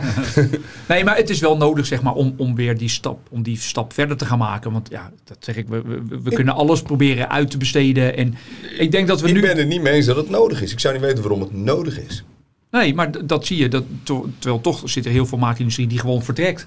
Ja. Ook vanwege stimuleringen, eh, eh, subsidies, eh, eh, goedkopere productiekosten misschien, eh, betere beschikbaarheid van grondstoffen. Maar is dat dan zo erg? Nou ja, dat weet ik. Ja, dat, dat is weer net de vraag. Willen we afhankelijk... En we hebben nu gezien wat er gebeurt als, er, als we afhankelijk zijn van een ander land waar je een beetje ruzie mee krijgt. Dat zou je Ja. dan nog kunnen, in overweging kunnen Je nemen. kunt ook proberen minder ruzie Ja, te ja, nee, maken. dat is ook, dat zeg ik altijd. Je moet er weer ook niet, eh, ja, je moet er weer ook niet blijven prikken natuurlijk. Nee, En, helemaal en deze vraag heb jij natuurlijk ook gesteld bij de Solar Business Day. Ja. Of wat, wat was ja, het is het trend, Ja, dat, dat ook weer van, van, ja, eh, nee, maar we mogen niet te afhankelijk zijn van China. Ja, eh, Hebben we een keus? heb, nou, Ja. hebben we een keuze. We, eh, ga, weet je, helemaal prima. Maar we Ja. hebben, vorig jaar is er 44 gigawatt geplaatst. Nou, dat is echt heel veel. Daarvan is er met heel veel pijn en moeite twee, nou, misschien een kleine 2 gigawatt in Nederland, of in Europa geproduceerd. Dat betekent dat we die 44 gigawatt, die dit jaar gewoon weer meer zal zijn, die moeten we gaan bijpikken, die moeten we gaan inhalen. Nou, vergeet het. Allemaal gemeenten zeggen, ja, we willen alleen maar eh, eh, panelen uit Europa. Helemaal top. Eh, achteraan in de rij gaan staan, eh, beste vrienden. Dan ben je misschien in 2030 aan de beurt. Eén paneel per huisje en klaar. Ja, en ik ben nogmaals, ik ben als activist gestart. Ik heb haast. Ik wil gewoon zo snel mogelijk, zoveel mogelijk, overal zonne-energie in dat systeem. Zo schoon mogelijk gaan met die banaan. En het maakt me eigenlijk niet zo verschrikkelijk veel uit waar het vandaan komt. Ik wil die CO2 uit de lucht. Ja, en eerlijk gezegd, al dat heilige gedoe van ja, het moet vooral uit Nederland komen en weet ik veel wat al. Dan denk ik, ja, maar het vertraagt de boel alleen maar. Ja, omdat we het niet hebben. En hebben het niet. Het staat haaks op de doelstelling. En die we ze staan zelf haast haak op de doelstelling. Als ik Ja. Ja. Dat hele grote doel wil bereiken van zoveel eh, productie, ja, dan moet ik gaan roeien met de riemen die ik heb. En dan moet ik niet al te veel. eh, Maar dan ga je eh, terug eigenlijk naar het startpunt. Daar is het fout gegaan. Wat is de het doel? afslag is toen verkeerd genomen. Nou ja, en de- nu is de, de, de verschil zo groot dat het niet Ja. meer te dichten is in een korte de tijd. Europese grafiek van deployment van uitrolinstallatie van zonne-energie, die vertoont een piek. En dan gaat die in 2018 8 begint die te dalen. En dan heeft hij een kuil. Die kuil heet het eh, importheffingsperiode. En nu zie je hem weer omhoog gaan. Ja. Nou, als je die lijn doortrekt van 2000, laten we zeggen 2004, langs 2008 zo naar boven, dan zie je dus ongeveer wat het ook had kunnen zijn. Hadden we geen Russisch gasprobleem gehad, kan ik je verzekeren. Nee, dat Hebben we zelf gecreëerd. Ja. En daarna moeten we natuurlijk iemand anders de schuld geven. Want ja, het kan natuurlijk niet zo dat Nee, nee, schuld is. Ja. Maar dat is met alles zo. Ja, natuurlijk. met dat alles is zo. de weer politiek. Het hè, ligt natuurlijk nooit aan mij. Nee, nee, nee, nee. Nee, maar als we daar dan naar terugkijken. joh, dat, Joko, ik vind het dan ook wel grappig. Jullie zijn puur Nederlands bedrijf. Jullie Ja. produceren hier. Ja. Alles wordt in Nederland geproduceerd. Alles, ja. Op ja. één haakje na volgens Nou mij. ja, Toch? welke? Ja, nee, was het niet dat, dat één schroefhaak of zo? Of een, eh, wat, wat, wat, hoe zat het ook alweer? Dat ik bij jullie was, toen vertelde je dat vol. Nee, kijk, de, de schroefjes, zeg Ja, maar, oh, dat die, was die- het, de ja. die fabriceren Ja, we niet nee. zelf. Die, Die- tre- die ja. trekken we bij een importeur vandaan en waarschijnlijk komt dat ergens... eh, Hebben jullie ooit overwogen om naar het buitenland te gaan met je productie? eh, Want in Petersoog hebben we dan handjes over om hier te monteren. nou, Zo hey, is het. ik, ik zou jullie zeggen, ehm, eh, we hebben met bepaalde componenten hebben we het in Oost-Europa geprobeerd. Ja. Eh, en dat was geen succes. Oké. Dus wat dat betreft hebben we het gewoon weer teruggebracht naar onze huidige leveranciers. Eh, dan maar iets meer betalen. Alsnog wel eh, prijscompetitief natuurlijk. Ehm, en zodoende hebben we de keuze gemaakt om het gewoon allemaal binnen, uh, binnen eigen huizen. Ja. Ja. ja, want jullie zijn ook enorm aan het opschalen. Hè? Jullie eh Ja, en dit is- bijna klaar. Het is ook gewoon qua, qua levertijden gaat het sneller, qua communicatie gaat het beter. Het is, je bent niet afhankelijk van, van partijen van, eh, over de grens. Nee. Maar goed, qua leeftijden gaat het beter. Jullie hebben ook ja, nu zie je dat de, de, de, waar eerst de panelen probleem waren, toen Ja. de, omvormers, Hebben- nou, nu, hebben heel lang- heel lang hebben jullie het weten weten, te- weg lang, en nu ja. hoor je het, het eh, hangt op een klemmetje en een haakje Ja, en een ja, schroefje. precies. en, Ja, en het, het nadeel van ons product is dat als er geen onderconstructie is, dan, begin, dan kan je helemaal nergens beginnen. nee. Kijk, nou ja, dit Nou ja, geldt voor panelen en voor omvormers Ja. nou ja, maar Ah, panelen, ja. omvormers kan je nog laten Ja, ophangen. In ieder geval voor optimizers wordt het Ja. wel weer een probleem natuurlijk. Ja. Want die moet niemand wordt er blij van van halve installaties. Nee, Dat nee, is- exact. Dat is een ramp. Ja. Voor facturering, voor installateurs en Ja, voor terugkomen. Niemand wordt daar heel vrolijk van. Nee. Ja. Ja, dat is wel leuk, want ik zat Ik met, heb- met, met, Jacques even te appen gisteren, omdat de, eh, ik zag bij, eh, bij Frank, een collega van, eh, van, eh, van Jacques, zag ik eh, de, de, de, het persbericht, omdat ze zijn beurs genoteerd, dus ik zag het persbericht voorbij komen. Mhm. Ik zag dat ze in het vierde kwartaal zijn er 315.000 omvormers gewoon geleverd. In één kwartaal 315.000 en 6,7 miljoen optimizers. Uit mijn hoofd stond er volgens mij in het persbericht. Ja. Ja, en dan nog zeggen we van ja, er, er, er is tekort. Maar Dus dat is natuurlijk, het gaat wereldwijd, wordt het natuurlijk verschepen. Ja, het gaat precies. niet allemaal naar, naar, Nee, naar nee. Nederland. Zo, het is een- Maar- nog groter wat dat betreft. Ja, hoe, hoe, zag, hoe, hebben, zijn jullie die tijd doorgekomen? Want het blijft gewoon een kwestie van verdelen. En iedereen denkt altijd van ja, maar ik word achteraan gezet in de rij. Nou ja, weet je, je wordt niet achteraan gezet. Maar het nadeel is wel dat de, de vraag is zo exponentieel gegroeid.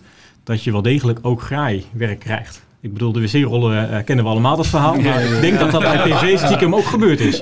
Ik bedoel, en, en met opslagsysteem met rails is het dan misschien beperkt. Maar wat je aan omvormers en optimizers weg kan zetten in je eigen magazijntje... blijkt nog best wel veel te zijn. Ik denk dat, dat er wel zeker ook graaiwerk is geweest.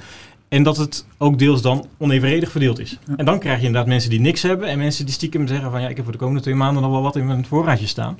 Eh, dat helpt natuurlijk niet, want dat, dat is een soort van eh, fake eh, vraag, zeg maar, Ja. die niet is. En daarnaast krijg je natuurlijk, ik kan het bij Solar Clarity niet vinden. Ik probeer het bij de andere Ja. wel te vinden. Die heeft het ook niet, maar ik bestel Ja. daar wel alvast wat. Ja. Ik bestel daar ook wel even wat.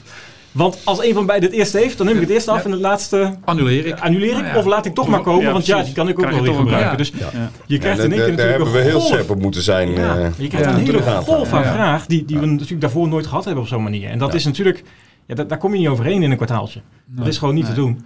En eh, natuurlijk de opschaling doe je zo hard mogelijk. Maar toen, hè, toen voordat het begon, die, die hele golf, eh, zaten wij op een planning van onze componenten, maar ook op forecasten wat we moesten maken. Op drie kwartalen voorhand waren we gewoon al ruim Hmm. aan het plannen. Nou ja, als er dan iets misgaat hier, dan duurt het dus op zijn minst drie kwartalen voordat je iets hebt kunnen doen daaraan. Ja. Dat is de eerste stap.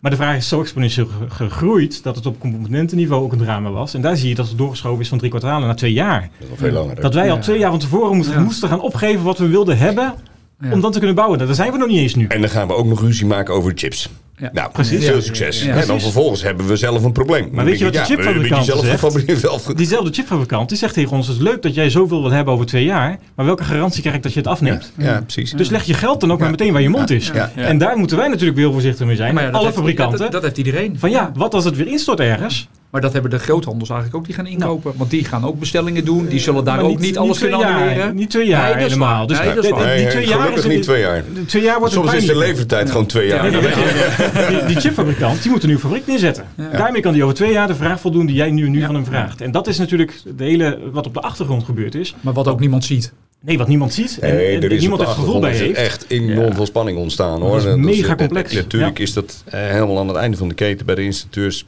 Zeker u dus de consument. Dus natuurlijk doet het heel veel pijn. Maar je wil niet weten wat een ellende Ja, allemaal aan absoluut. de, al, Ja. al Maar, al is. ja. maar is dat probleem wat we zeggen? Want we, we, zeggen, we, we hebben het een paar minuten geleden gezegd. Er is eigenlijk geen groei in hoeveelheid installaties. Want we hebben gewoon, ja, er komen gewoon mensen tekort. Ja, in Nederland zie je dat, Ja. het, eh, hoe, dat de hoeveelheid geïnstalleerde gigawatt, eh, dat die min of meer stabiel Ja. is. Maar, ja, in, in- Maar als in- nu de vraag dus bij iedereen, we denken dus, dat is eigenlijk wat Chuck zegt, van we denken allemaal van er is zo'n enorme vraag. Maar als je niet meer kan wegleggen, ja, we kunnen alles Nou ja, door het weet je, dak er, is, er wel een beetje een shift geweest van commercieel naar residentieel. hè? Dus Ja, ik denk dat bij residentieel wel de groei heeft plaatsgevonden. Bij commercieel is die wat afgevlakt. Dus ik denk dat daar ja. de, in de cijfers het een beetje eh, vertegenwoordigt. Maar daar zie je ook weer dat heel veel mensen de markt in zijn gekomen om te zeggen... Ja. ja, maar wacht even, dit is zo'n booming markt. Daar ga ik wil ook ik ook een instappen. graantje Ja. vandaan halen. Of handjes uit het buitenland. Heel, heel veel nieuwe toetre- toetreders. Wij zijn nu inmiddels alle drie internationale bedrijven. En jullie Ja, nou ja, komen vanuit het buitenland, dus Precies, per ja. definitie. Eh, omdat de vraag overal zo groot is. Absoluut. Ja, en dan is Nederland ja, is, is, is een hele belangrijke markt. En inderdaad, het is maar net in welk segment je zit, een groeimarkt.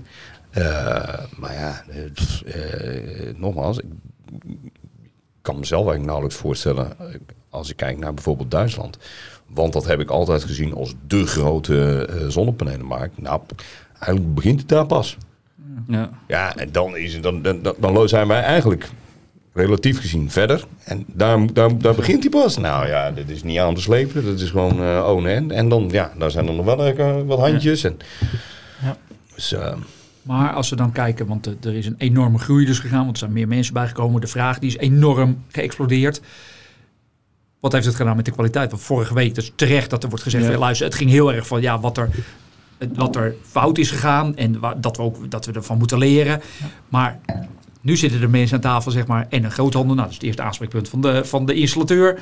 De fabrikanten, nou, eh, de installateurs weten ook de fabrikanten te vinden tegenwoordig. Want dat, is, dat is ook een, een soort hotline. Want iedereen wil geholpen worden. Ik bedoel, we proberen Zeker. iedereen te faciliteren.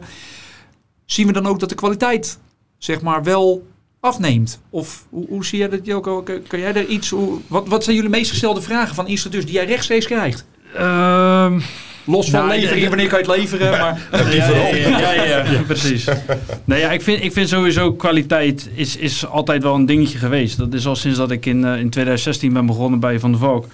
Ik zit ook veel op LinkedIn, net als dat iedereen dat zit. En ehm, je krijgt de meest gekke dingen te zien. we appen er En- vaak over. Ja, precies. En eh, ik, vind, ik vind de kwaliteit, enigszins eh, kon iedereen altijd maar doen en laten wat hij wilde. Ik vind tegenwoordig wel met Switch to Solar en alle InstaQ en alle andere ehm, ja, verenigingen vind ik het al een stuk beter worden.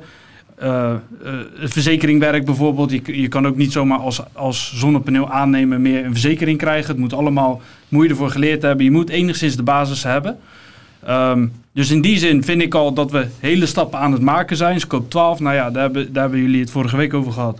Topinitiatief. Ehm, er is heel veel rechtlijnigheid ge- gecommuniceerd nu eh, op commerciële eh, installaties.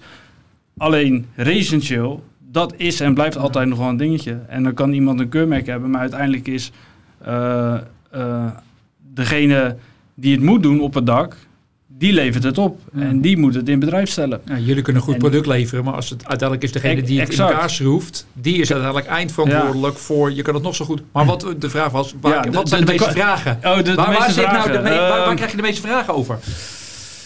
Ja, kijk, ik, ik werk als projectmanager veel op commercieel, of, eh, commercieel niveau. Bijna alleen maar. Eh, ik heb nog wel contacten vanuit het verleden toen ik nog eh, accountmanager was. Dus wat voor vragen er komen, durf ik eigenlijk... Want op ik, ik kan me voorstellen dat begin, eh, zeg maar vorig jaar, toen hadden we drie hele zware stormen achter elkaar. Nou, toen ging 0,0001% van de panelen, daar vlogen de 20 panelen van het dak af. Nou ja, de NOS, iedereen gelijk op de, op de, in de hoogste boom. En Ja, nou, wel één iemand dan zwaar gewond geraakt. Nou, ja. ja. niet goed vervelend. natuurlijk. Ja, het is heel vervelend. Het is gewoon rot. Het is, kijk, als er dan zo'n zware storm is, hè, dan dondert er ook eens een keer een boom onder om. En als ze dan heel veel pech hebben, dan rijdt er net met een autootje onder. En het Ja, mannetje, precies. vrouwtje in het autootje staat plat. En dat is best, best sneu als het jouw familielid is. Maar het is niet zo dat we dan in één keer een heel in de, in de hoogste boom kruipen, omdat al die bomen afgeschaft moeten worden en verboden moeten worden. Maar die kunnen wel door een een- centrale allemaal beginnen. Ja, die kunnen dan wel de centrale in ja, kijk hier, bam. Dat mag toch ja. Nee, maar het wordt, het wordt zo... Het wordt ook wel opgeblazen. Hè? Tuurlijk, er is niemand die zal zeggen... kwaliteit is niet belangrijk. Absoluut. Kwaliteit is heel belangrijk. Maar laten we nou eens even kijken naar hoeveel ongelukken er daadwerkelijk gebeuren. We hebben 2 miljoen huishoudens in Nederland. Nou, die, die met zonnepanelen. We hebben, weet ik veel, 7 miljoen huishoudens. Maar eh, Ja, acht 2 miljoen woningen Ja, en 2 twee- miljoen met, eh, met zonnepanelen. ja. Dat is heel veel. En ik zie inderdaad 0,00000 en zoveel nullen eh, eh, ongelukken gebeuren. En natuurlijk, het is hartstikke erg als toevallig jouw huis is. Maar we moeten ook gewoon realistisch zijn hoeveel ongelukken er eigenlijk nou, Niet gebeuren, niet ja. gebeuren. Ja. Ik zeg altijd, als we het net zo slecht zouden doen als de, eh, de magnetrons, de microwaves, nou, dan zag het er ongeveer Nou, uit als in. Turkije, weet je wel, Ja. schoorsteenbranden, Ja. weet je. Dat is, dat, dat, dat- is vele malen erger, maar dat vinden we inmiddels normaal. Dat zijn volwassen markten. Je magnetron, iedereen heeft een magnetron. Ja, en daar vinden we daar in één keer niks meer van. Ja, Nou ja, ik, ik blame ook wel een beetje zeg maar, daar de media-hype. Kijk, de, me- de media is het niet meer nieuws als er een brandstofauto in de fik vliegt. Ja. Nee. Eh, maar als de elektrisch. elektrische auto langs de is, dan stoppen er Oeh, drie nou, reporters nou. om eh, foto's van te maken. want Telegraaf is is helemaal eh, voorpagina En, da- inrichten. en dat zie je met PV ook gebeuren. Ik Ja, bedoel, de absoluut. PV brandt. Oh, wacht even, een dak. Dat komt door PV. Laat ik maar meteen even... Ja. Maar- het En gaat dan in is het al minder dan vroeger. Ik zou het niet te veel over vroeger hebben, maar je merkt dat die, de, de, de markt volwassener wordt. Klopt. Ja. Merk je aan de eh, eh, afname van de hysterie Precies. rondom de problemen. Precies, omdat het niet meer Ja. nieuw, nieuw is. Ja. Hè? Het is niet Ja. meer hot. Dus dus Ja. ja. Maar daar zie je wel dat, kijk, met die branden, dat is eigenlijk, ja, we weten dat zit bij de indaksystemen. Op dak, dakpannen tussen. Daar, daar Ja, gaat helemaal hoeveel dakpannen heb jij al zien branden? Nee, Eh, nee daarom, ja. dat is ook waarom je, waarom je het niet ziet. En het is Nee. nog steeds slecht geïnstalleerd. Het is nog steeds afname van vermogen. En dat is doodzonde dat we het neerleggen. Allemaal waar. En, maar dat heeft geen vervolgschade. Ja. Daarom Nee. zien we het ook niet. Daarom Nee. van die 2 miljoen woningen, alles Ja. wat als Ja. daar eh, 1,999 op, eh, op eh, dakpannen ligt, dan is het probleem er niet. Ja. Of op Ja, een, eh, op een gewoon plat dak. Ja. Dan zien we daar natuurlijk veel minder. En dat is ook wat we, het in het voorgesprek zeiden we het ook van ja, er, er is zo'n zo'n BNR nieuws itemtje geweest. Ook dat van ja, er gaat zoveel fout. Ja, dat klopt ook. Hebben we vorige week ook besproken. Als je naar de letter van de norm kijkt, gaat er ook heel veel. Is er niet conform de norm geïnstalleerd? Maar beter, is, ja, eens. maar is het fout? Ja, maar gaat het fout? ja, precies. Nee, Ja. nog niet. Dat zien we gewoon statis- statistisch helemaal Ja. nog niet eigenlijk. Plus dat, eh, kijk, er worden, de, producten die gemaakt worden, die zijn voorzien langs alle kanten en hoeken van veiligheid en, en, en testen en toestanden. Weet je, het is, niet meer, het is niet meer zoals inderdaad vroeger, 15 jaar geleden, kon je nog wel eens een, een, een uitbrandende omvormer hebben. Nou, de, de, ik zie ze toch niet heel vaak meer voorkomen hoor. Allemaal checks en balances zitten er op die producten. Dat het ook gemaakt, wetende dat niet iedere installateur die het in zijn handen heeft, precies weet wat hij moet Nou ja, doen. Daar worden ze ook maar- op ontworpen. Ja, Nou ja, en als je weet dat er als voorbeeld 6,7 miljoen optimizers in één kwartaal worden geproduceerd. Ja. Ja. En jij hebt er 20 in je handen die kapot gaan. Wat ook is als jij Ja. ze- 6,7 miljoen auto's maakt. Kijk hoeveel terugroepacties er natuurlijk zijn van auto's die...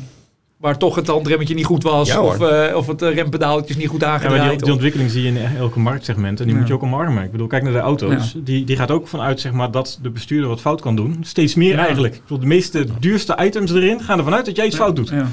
Want ik bedoel, als al je airbags gejat wordt, dat je auto je auto los verklaart. Ja, En, en dat zit er toch echt alleen maar voor die Ja. ene keer dat je ergens iets raakt. En Ja. dat hoop je nooit nodig te hebben. Dat geldt dus voor de gordel. Eh, hetzelfde Ja. is voor al die sensoren die Ja. eh, emergency braking voor jou Ja. gaan doen. Hè? Dus remmen voordat jij een klap eh, krijgt. Dus ik denk dat die ontwikkeling moet je ook omarmen. Ja. En, en die hoort erbij te komen. Juist om het mogelijk te maken om door te kunnen blijven groeien. En daar gewoon een standaard. Ik zeg ook altijd, in te de zonnepanelenwereld vallen de appels ook omhoog. Hè? Wij moeten Ja. gewoon echt, er worden allemaal eisen. En, en het is natuurlijk een item dat Vergrootglas. heel veel Precies. eh, politieke interesse heeft. Want het is iets groen en duurzaam en dan kan ik me scoren en top. En, dan- en dan willen we er van alles van vinden. Klopt. En dan worden er eisen gesteld waarvan ik denk, ja, eh, op zich niet heel raar. Maar aan de andere kant, ik denk een beetje overdreven. Eh, wat wil je nou eigenlijk echt? Want inderdaad, als het hetzelfde met een, met een, met een, met een magnetron zou...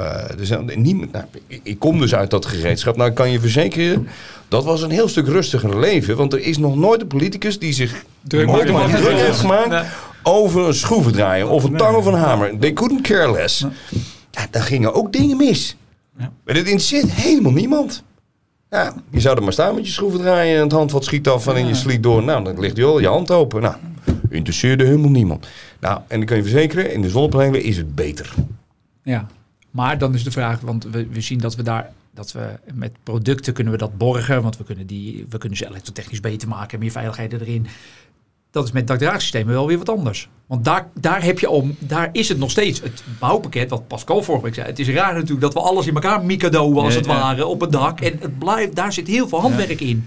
En, en als je het niet kan interpreteren op de juiste manier, of als je de handleiding niet goed hebt gelezen, dan gaat het fout. Nou, dat is waar wij het meest over appen. Dat we Exact. gewoon op het oog zien van dit, dit, Dit is gewoon niet goed gemonteerd. Maar, Dit is maar jullie goed. nemen ook marges mee, toch? Ik bedoel, als jij, eh, als jij je aantal haken voor een systeem, daar zit ook een marge op. Ik Ja. neem aan dat je niet op het Kijk, randje gaat ik- zitten ik- van... Als ze, als ze er eentje minder doen, dan vliegt het systeem van het Nou, dak ik- bij de eerste ik- ik- zou, ik zou er geen zorgen Dus- maken om schuindaksystemen.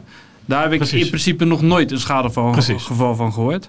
Platdaksystemen, dat is hetgeen wat eh, het meest Ja. Ja, maar dat zit- risicovol is ja, voor maar dat eh, zit hem dan vaak in, in eh, winddynamiek niet goed begrepen. eh, verkeerde plekken op het dak waar je toch turbulentie hebt. Te weinig Ja. ballast, allemaal dat soort Onder, fratsen. onder andere, onder Toch? andere ja. Over, over het algemeen, wa- wat ik zie, is over het algemeen eh, verkeerde installatie. Ehm, Toch Of- echt een verkeerde installatie. Niet, niet dat je gewoon de, eh, ja, zeg maar, je, elkaar. je Ja, niet zeggen, juist hebt gedaan. is wel akkoord, maar als er een hoog nabijgelegen gebouw staat, eh, dan Heb je een andere heb je dynamiek. weer andere Ja. dynamiek. Precies waar je het net over had, inderdaad. Kijk, en, en daar gaat het dan fout. En ehm, eh, ja, dat is dat stukje vakmanschap. Iemand die de handleiding leest, iemand die het ballensplan volgt.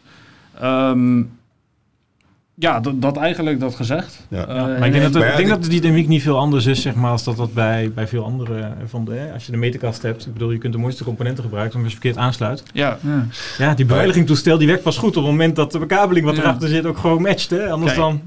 Ik wil wel even een opmerking maken, dat wilde ik zeggen, over eh, commerciële daken. Ehm, daar zit een scope 12 keur erop, die, die, die checkt dat allemaal heel, eh, heel, eh, heel fijn.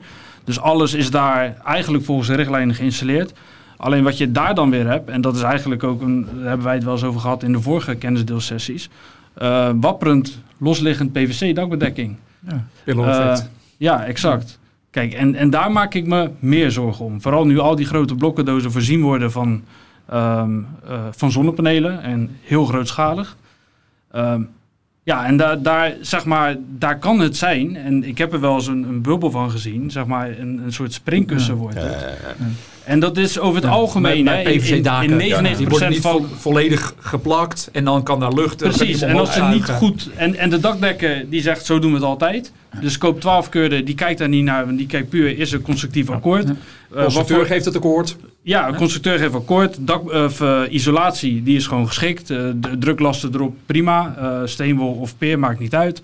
Dakbedekking wordt genegeerd. En dan gaan we naar PV. Dus dat is het enige dat is puntje. grappig, Ik heb dat is- dat ook bij Holland Solar neergelegd. Maar dat is wat Pascal vorige week zei. Van, het gaat om die bouwkolom. We, Juist. zijn, we, Ja. we lijken het tot... Want iedereen is met zijn eigen dingetje Eigen bezig. Want we, dingetje. we, we zijn heel erg druk met ons eigen ding. Exact. En zijn er nog mensen die het totaal... Ja, ik wou het net, ah, Ja. ik wou het net zeggen inderdaad. Dit is, eh, het moet Op microniveau aan de gang. Al die Ja. systeempjes individueel. De een kijkt naar eh, het dak, de ander kijkt naar wat er op het dak staat. Ja, uh, natuurlijk hebben die twee invloed op elkaar. En dan heb je ook nog, dat werd vorige keer ook aangehaald. Het mag allemaal niks kosten. Het moet allemaal het goedkoopste van het goedkoopste. En dan vervolgens hebben we een probleem. Ja, weet je, eh, zo kan ik het ook, zou ik bijna zeggen. Dan is het ook een beetje problemen creëren. De, de, de, wat we nu met die grote blokkendozen, de isolatielaag die erop zit, is de meest brandbare die we zo ongeveer vinden kunnen. Ja, en dan gaan we moeilijk doen over de panelen die erop Maar wel de liggen. Nee, ja, Ja. maar wel de En die, lichtste. en die ja. was wel handig voor de bouwconstructie. Ja, ja, ja, ja. precies. Maar ja, hij had nooit gedacht dat er ook panelen op kwamen. Nu gaan we de panelen zeggen, oeh, die zijn brandgevaarlijk. Nee, het effect is gigantisch. Ja. Dat is Ja. wat anders. Ja, ja, hè? precies. Dus maar ja, Ja. dan moet je inderdaad gaan nadenken in de hele constructie van wat wil ik er nou eigenlijk op. Maar ja, Ja. dat is ook met panelen en, onderconstructie en omvormen. We moeten veel meer, we zeiden in het voorgesprek ook, iedereen die is natuurlijk, je krijgt steeds grotere panelen en dan heb je weer andere draagse constructies nodig. En dan weer andere omvormers. En iedereen andere werkt achter elkaar aan. Ja. Ja. Ja, ja, iedereen precies. werkt achter elkaar aan en de groothandel die moet, die moet honderdduizend merken en maten en op voorraad Ja, hebben. ja, En ja, die, precies. dus ook daar zit natuurlijk een stu- stukje standaardisering wat we missen. Want als we dat ergens kunnen standaardiseren, dan hebben we minder producten Ja, nodig. We kunnen meer Dat klopt, maar er zit, er zit één aspect wat wij weinig in controle hebben. En dat is natuurlijk de paneelmarkt. Ja. De paneelmarkt, die ontwikkelingen, daar volgen wij achteraan deels, daar volg jij achteraan deels. En daar volgt de installateur uiteindelijk ook achteraan. En ook de En de, en de groothandel Ja. natuurlijk. Ik bedoel, eh, de- de- daartussenin. Maar daar heb je dus niet zo heel veel invloed op om dat te sturen. En dat Ja. maakt het dus lastig. En dat Nee, maakt die- dat je die dynamiek Had moet dat makkelijker van- geweest als het hier was geweest, de productie? Zal dat een van de nadelen zijn als het wat verder ligt, omdat ze daar produceren voor wat meer hun eigen markt? En Nou, m- misschien wel. Wat je, wat je, kijk, wat ook weer, eh, ik denk dat heel veel mensen niet het juiste beeld hebben over het gigantische volume wat we eh, nu eigenlijk aan het gebruiken zijn wereldwijd. Dus de, de productie is gericht op zo snel mogelijk, zoveel mogelijk volume kunnen produceren. Tegen een goede kwaliteit, goede prijs, het moet allemaal kloppen, maar dat volume moet gigantisch zijn. Wat een fabrikant in China of in India, wat mij betreft, of voor mij betreft in, in, in, eh, in, in Duitsland, wat die heel moeilijk kan doen, is nichematig gaan kijken van ja, in Nederland bouwen we de daken volgens het volgende stramien. Dan gaan we daar maar eens even een klein stukje van maken. En in Frankrijk bouwen ze weer een ander stramien. Dan gaan we daar maar even een dingetje maken. Ik heb ooit eens een keer een hele, hele korte blauwe maandag iets te maken gehad met... eh hoe heet die dingen appendages. Die, die, die, nou, nou goed, dan heb je in ieder land heb je weer een andere maat. Ja, je, maar dan krijg je niet het volume wat, wat, wat deze markt eigenlijk eh, vraagt. Wil je in de niches blijven, Ja. prima, dan, dan kan dit. En ik denk ook dat er echt wel vraag naar is, inderdaad. Maar ja, dan heb je het gewoon over andere volumes. En dus eh, andere, andere prijzen, andere kostprijzen. Ja, maar het houdt de ontwikkeling ook tegen. dit. En het houdt de bedoel, ontwikkeling uiteindelijk, tegen. zij gaan door met het ontwikkelen van de productiekosten en, en al die zaken. Ik vind het ook, ik gebruik het altijd als, als, als, als antwoord op de vraag waar als mensen zeggen, ja, wanneer gaan we dakpannen krijgen in de vorm van zonnepanelen? En zeggen, wacht even, die dakpannen, die hebben de oude Grieken ooit eens een keertje uitgevonden, 3000 jaar geleden. En dan gaan we die nieuwe technologie in die oude vorm proberen te proppen. Misschien moeten we die dakpan maken in de vorm van een zonnepaneel. Precies. Ja. Eh, Ja, Ja. absoluut. Nou ja, en dat hebben we geprobeerd. En dan gaat het een paar keer fout en dan staat NOS op de stoep. Die, nou, die valt Ja, maar dat was, die ja, nee, dan gingen, we, nee, dan gingen we die zonnepaneel gingen we dan gebruiken waar die niet voor bedoeld is. Om tussen die dakpannen Ja. te leggen. Nee, laten we nou eens een keer gaan kijken van oké, als we een dak gaan bouwen. Nou, ten eerste, die zullen jullie ook herkennen. Waarom moeten al die eh, pijpjes en eh, schoorstenen en weet ik veel wat allemaal, allemaal op het zuiden? Ja. Plaats die even lekker op het noorden. En misschien moeten we inderdaad eens even kijken van hé, hey, wat, wat is nou een maat van dak die dan weer past bij de zonnepanelen? Of, ja, dus er zit een deel ja en een deel nee in jouw vraag. Eh, misschien is het goed om dat ook allemaal wat beter op elkaar af te eh, stemmen. Maar kunnen we dat nog... Want nu kunnen we er eigenlijk niks meer mee. Want nu Nee, is die markt zo gesegmenteerd. Ja. Peter, een vraagje. Eh, de denim. Heb jij ooit wel eens overwogen om het in Nederland te produceren? Of laten we zeggen in een buurland, Europa? Jazeker. Jazeker. Maar? Eh ik haal niet de volume en de kwaliteit die ik, eh, die ik daarvoor vereis. Ja. Misschien even En- goed eh, en- ter uitleg. Dat is een, een, een merk wat, wat, Ja. wat Peter verkoopt. Ja, dat is een, een, een eigen merk. Ja. Wat, eh, wat eh, eh, in Azië wordt geproduceerd en wat hier naartoe komt. Dat is voor de Nederlandse markt bedacht eigenlijk. Het is helemaal gebrand als, als, als Ja, er, wordt, Nederlands... er, wordt, ook- er wordt wel een, een, een, eh, een stukje eh, in, eh, in Europa geproduceerd. Althans, dat hebben we in het verleden gedaan. Alleen kunnen, die kunnen niet op. eh, dus had ik wel de kwaliteit, maar ik kon niet, niet meeschalen.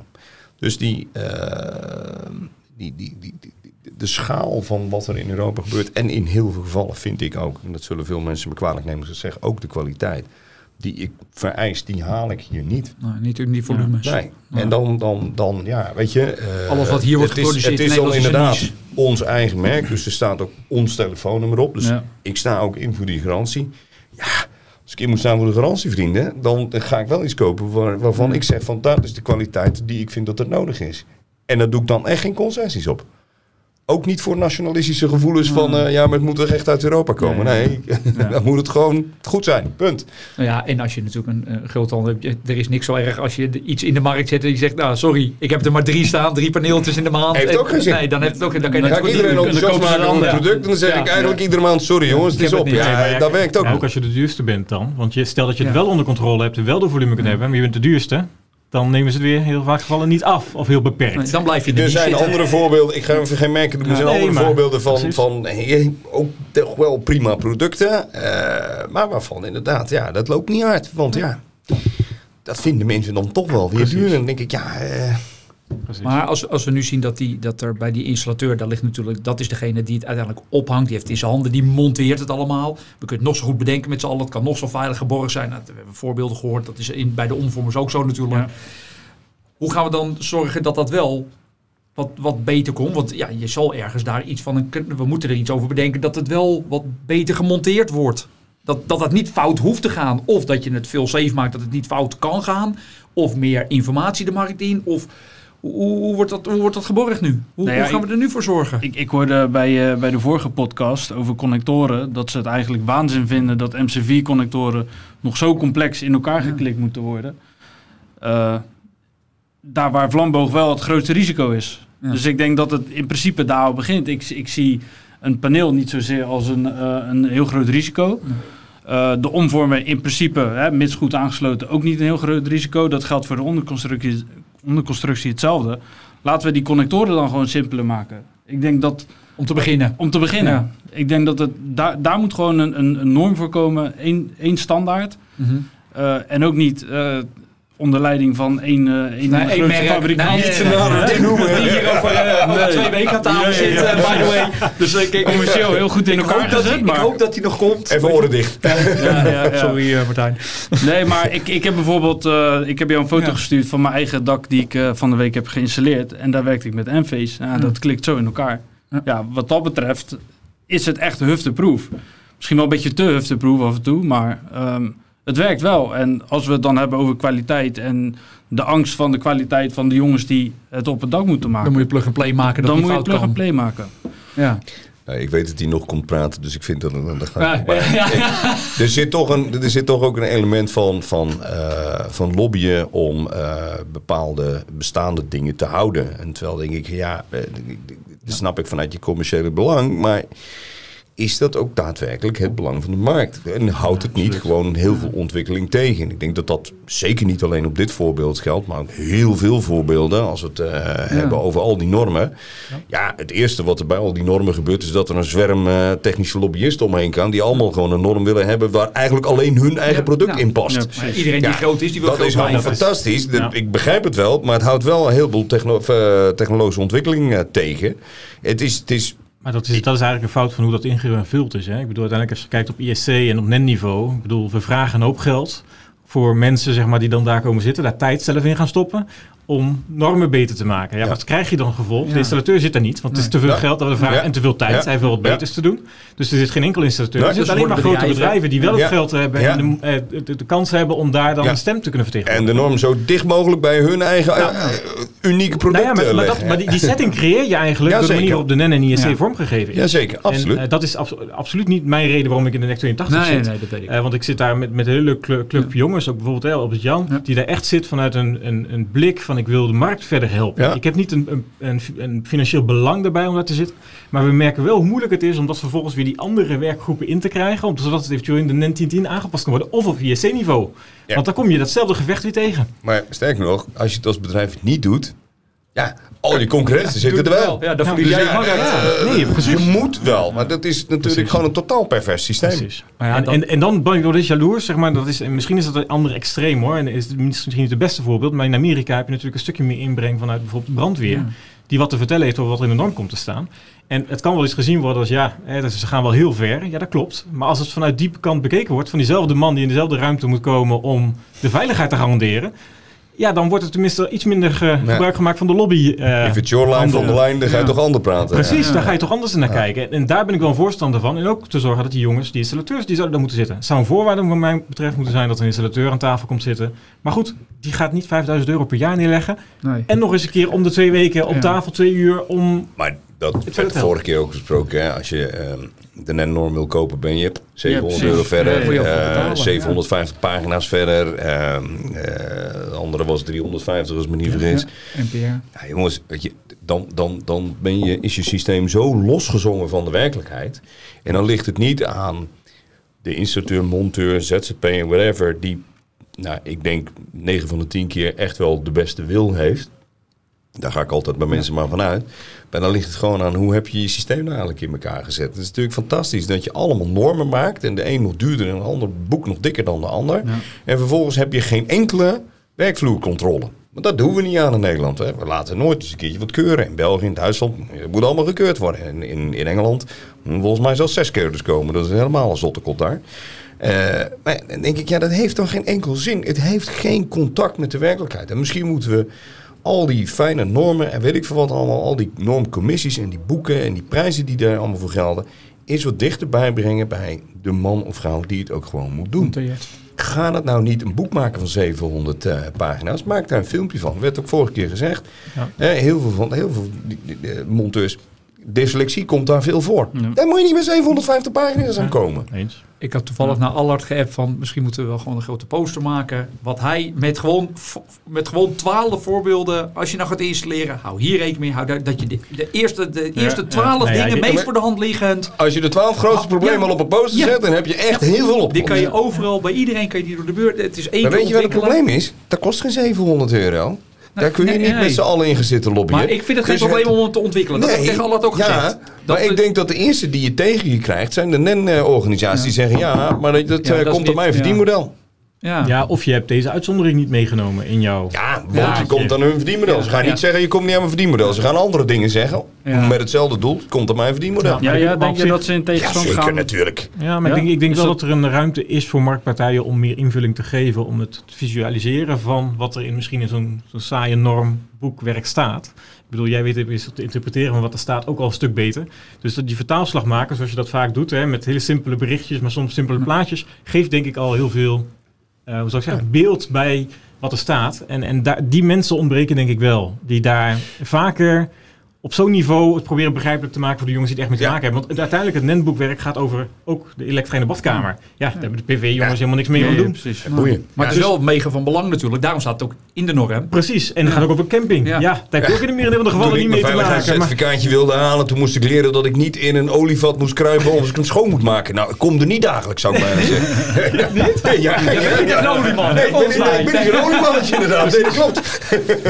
Nee, maar ik, ik denk dat dat, dat dat is ook wel een van de problemen natuurlijk. Wat, wat we zien, dat, hoe wordt die norm geïnterpreteerd. En hij is natuurlijk mega lang. Maar dat is Ja. met alles waar je in gaat verdiepen. Of dat nou in, eh, in de installatienorm is. Of dat je gaat in productnormen. Of in Ja. normen voor... Ik zeg altijd, de, de, vind ik altijd een mooie... Wat, wat Jelko terecht ook zei over eh, de ballastering. Heel veel instructeurs die weten gewoon niet... Als er een gebouw naast staat, dan slaat de wind tegenaan. Dus hij klapt terug. Ja, als je dat niet weet... En jij vult altijd gewoon je calculatortje in van het is zo hoog en het is op deze maat. Ja, en je, je Het kijkt gebouw daarnaast staat Ja. niet in de calculator. Nee. Nee. Nee. maar goed, het- je kan het wel in de calculator ingeven. Maar Ja. dat is ook een kwestie Ja, van precies, ervaring. En Maar daar zit gewoon in de communicatie eh, gewoon enorm. Daar, daar, en volgens mij niet eens een hele moeilijke klus. Het is inderdaad een kwestie van, joh, eh, YouTube-filmpjes maken. En dat kan voor mij wat de NEN ook doen. Maar dan moet je het inderdaad gewoon toegankelijk Gratis. maken. Gratis, toegankelijk. Eh, infographics, posters, toestanden, weet ik het wat. Stickers voor mijn part. Heel veel dingen zijn te doen. Maar ja, weet je, is het wel in het belang van die organisatie? Want die heeft het nou op een bepaalde manier bedacht. En dat is het verdienmodel. Ja, dan ga jij in één keer rare dingen doen. Ja, dat vindt men heel vervelend. Maar wat is nou het doel? Dat die organisatie centen verdient of dat we een eh, goede installaties maken? Ja, volgens mij het laatste. Maar dus het borgen van die veiligheid, want er staat op hoe, hoe borgen we die veiligheid, die, die veilige montage van producten. Dat is dus en meer voorlichting. Misschien die normen wat meer achter, wat meer praktische invulling. Want dat, dat, dat dyslexie, dat hoor je ook heel veel. Natuurlijk laaggeletterdheid. Of mensen die gewoon, die, het interesseert ze helemaal niet. Die willen gewoon lekker. Ja. Ja. Ik, probeer, ik zeg altijd, ik noem het altijd, ze zijn onbewust onbekwaam. Want ze weten Ja, niet wat ja. ze fout doen. Het is niet niemand, ik, ik ga ook nog steeds uit de meeste mensen deugen. Niemand staat op, s ochtends vroeg van ik ga er vandaag eens lekker een teringbende van maken. Ik zeg nou is dat wel lekker dat alles eraf waait en dat alles in de hens vliegt. Nee, ze, ze weten gewoon niet. Want als je met heel veel jongens praat, dan, en je legt het ze uit, dan snap je snappen ook ze. merken, Ja, dan snappen ze en dan zeggen ze, oh, dat wist ik helemaal niet. Ja. En dan zullen ze het ook niet meer fout doen. want- Iedereen is bereidwillig als je het maar vertelt. Maar, je- maar dat, en je moet ze ook gewoon een klein beetje, weet je, gun ze een klein beetje daglicht. In die zin van, je kunt wel inderdaad drie installaties proberen eruit te squeezen. Maar ja, waarom Als je geef je hem niet- niet een jongen je- erbij die kan leren? Een beetje bedoel, twee kwaliteit installaties. Ja. en ze laat Maar- twee jongens meelopen die leren van Ja. de jongens die het al doen. Dat Maar ja. gebeurt En wat weinig. kost nou daadwerkelijk, wat is nou in tijd, dus in kosten, het verschil tussen een kwalitatieve installatie. Hè, Een pakjes een installatie van 50 panelen, het verschil tussen kwalitatieve en een raffel, afraffel installatie. Ja, is dat dat is een uurtje? Is dat nou het grote verschil? Een, een oud- paar tientjes die dat kost? Een oud collega van mij zei altijd, je kan het net zo knap maken en naar de norm, in dezelfde tijd, met dezelfde materialen, in dezelfde... Als je alleen maar de kennis, als je maar even weet wat je moet doen. Want het is, want of je nou op dat dak staat, of je dat connectortje nou wel of niet opbindt, of je hem nou vastlegt of niet, of je die, dat klemmetje nou wel of niet vast doet. Als je even de rust, dat is eigenlijk wat Allah zei hè, Ja. aan het eind van, het gaat om tijd. Je moet tijd hebben, dat je niet opgejaagd wordt, dat je gewoon rustig kan kijken, klopt mijn product, weet ik waar ik mee bezig ben, kan ik me rustig voorbereiden. Het vorige gesprek zeiden we al, er zijn ook installaties, ja, die rijden gewoon in een soort drive-in in. Die, die worden gewoon volgedouwd en eh Maar goed, rijden. dat is, dat is de keerzijde denk ik van onze Nederlandse economie, waarin we toch echt wel zoeken naar het uiterste Ja, ja. En, en het laatste uit de kan, zeg maar, persen wat eruit kan. Ik bedoel, ik heb support gedaan, hè, dus ik heb de eerste vijf jaar bij Solaris ondersteuning mogen doen en ik heb ook op een gegeven moment ondersteuning voor Frankrijk gedaan. En ik kan een Nederlandse installateur op één dag hebben die je gewoon letterlijk vertelt, je product werkt niet, wanneer kom je het oplossen, jij gaat naar een locatie en wanneer krijg ik mijn vergoeding. Ja. En ik kan dezelfde installateur in Frankrijk krijgen die me vertelt, Jacques, prima dat je het nog niet weet, bel me morgen maar terug als je het wel weet. Dan ga ik weer terug naar die klant, lossen we het op. Ja. En dat kan op dezelfde dag gebeuren met exact hetzelfde probleem. En het probleem blijkt achteraf een probleem te zijn geweest aan de installateurkant. En die Nederlander die zal niet, voor eerlijk zeggen, oh, sorry Jacques dat ik er zo eh, mee omging. Hè, het, was mijn fout, niks aan de hand. Nee, die hoor je nooit meer wat van. En die Fransman die zegt, super, dankjewel dat je me zo kan helpen. Ik ben opgelost, klant is blij. Ik ga weer verder. Er zit geen ruimte in Nederland om... Jacques, dit zijn van die momenten dat ik blij ben dat ik Vlaming ben. Hè? Dus, eh, Nee, maar absoluut, absoluut. Jacques, dat is al een beetje... moet- ja, nee, absoluut. Maar er moet een beetje ruimte zitten Ja. om zeg maar, te leren, fouten te maken. Maar ook eh, die leerslag te kunnen Ja. maken. Als Nederlanders zijn veel te strak in ons jasje. Er mag niks fout gaan, want het, ja, het heeft meteen invloed Ja. voor alle rest wat erachter komt. Ja, maar, maar dan, dan gaan we nu, want we zien dan nu langzaam de, de verschuiving. Hebben we vorige week zijn we er ook over begonnen. Dat hebben we dat ook aangestipt van. Nu gaat heel langzaam is zon wordt een bijzaak. Want dat was eerst met wind was dat de, de meedrijver. Nu gaan we meer naar flexibiliteit. We gaan schakelen. We gaan nu accu's erbij zetten. Mhm. Nu gaat iedereen gaat daar. Zeg maar, dit, dit- het, het- de kaarten worden weer opnieuw geschud eigenlijk. We gaan nu weer een, een, een nieuwe markt aanboren met z'n allen. Hè? Ja, En- voor en nu accu's moet je hoef het voor voor zijn. accu's hoef je het dak niet op, hè? Nee. Dat, eh, dus, Nee, dus dat is is niet eigenlijk open. nog toegankelijker. Want Ja, er hij is zijn drie per nou dag is ja, een zeg maar. die mensen die eh, precies drie op per dag hoeven weer te hebben. En ik hoef eh, zelfs met hoogtevrees geen enkel Ja. probleem. Het, eh, We moeten alleen wat zwaarder tillen. We moeten even Ja. wat sterkere Ja. eh, persoontjes hebben. Ja. Maar, want de daar... markt daar- van steekkarretjes, jongens, daar Ja. moet je in. Nou ja, ik zag wel eentje voorbij komen die auto. elektrisch. Ja, Ja, ja, maar dat de vliesertrapje wordt dat, eh, wordt dat lastig hoor. Nee, maar want dan is de vraag, hoe gaan we dat daar dan doen? Want ook daar, we gaan grootschalen, gaat dat ook straks beginnen? Want ik, ik kan me voorstellen, bij Solis, de, de magazijnen zullen vol liggen met accu's. Ja, dat, dat, we staan op het punt van, jongens, wanneer gaan we? Nou ja, Nou ja, het, het leuke is, eh, het is al lang gegaan. Ja. maar In Nederland nog niet. nee. Ja. Kijk, als je kijkt naar de landen om ons heen. Ik bedoel, die sneltrein is al, eh, is al gang. weggegaan hoor. Ja. Ik bedoel, eh, die is al Ja. vertrokken. En die rijdt al op eh, TGV eh kruissnelheid hoor. Dat is echt niet aan te slepen. Precies. Maar Dus, hoe- dus eigenlijk ook nog wel een beetje gelukkig dat Nederland nog niet zo ver is. Want ik denk dat als je toch supply issues hebt, Nou ja, ja, dat, dat Nederland nu al was afgegaan, dat het ook nog wel een grote probleem had dat is natuurlijk de grootste, denk ik, issue waar we tegenaan gaan lopen. Krijgen we überhaupt dus de grondstoffen nog voor de, het, het lithium? Het, krijgen we dat nog uit de grond? Krijgen we dat snel genoeg om die opschaling? Nu is het al moeilijk. Nou, het grootste gedeelte van de batterijen die nu eh, sowieso, eh, zowel in auto's als in eh thuisbatterijen wordt gebruikt, is de LFP-variant. Ja. Dus dan heb je al niet meer te maken met kobalt en al die ellende. Nee, dan heb je geen slechte producten. Nee. Maar of, dan heb je wat minder, laat ik het zo zeggen, grondstoffen die iets minder, Ja, ja, op, door, door- die iets makkelijker winbaar zijn, zeg maar. maar het is wel schaars. Eh, eh, waar zit de C in LFP, zeg Ja. ik altijd maar. Die zit er niet in, gelukkig. Nee. Dus dat, dat, dat, dat geluk heb je al. Eh, maar ja, die markt. Kijk, het, het grote probleem daar is dat eh, die markt is, is natuurlijk niet geïnitieerd in de thuisbatterij. Die markt is geïnitieerd in de auto's. Daarin gaat natuurlijk heel veel batterij per auto. Die markt die groeit ook als een malle pietje. Die gebruikte eerst allemaal NMC. Die zijn nu toch aan het overschakelen ja, naar LFP. Die omschakeling moet ook al gebeuren. Maar die markt is ook alweer veel groter dan, eh, dan we dachten. Kijk, de, de, op een gegeven moment, een paar jaar geleden, waren wij in China. En dan gingen al die eh, batterijfabrieken maar eens af. En ja, voor ons was het allemaal nieuw en spannend. En die gasten zeiden, ja, joh, je hebt de, de zoveelste shakeout is al geweest. Hè? Dus eh, we zijn alweer een heel stuk verder. Dus die markt is best wel groot.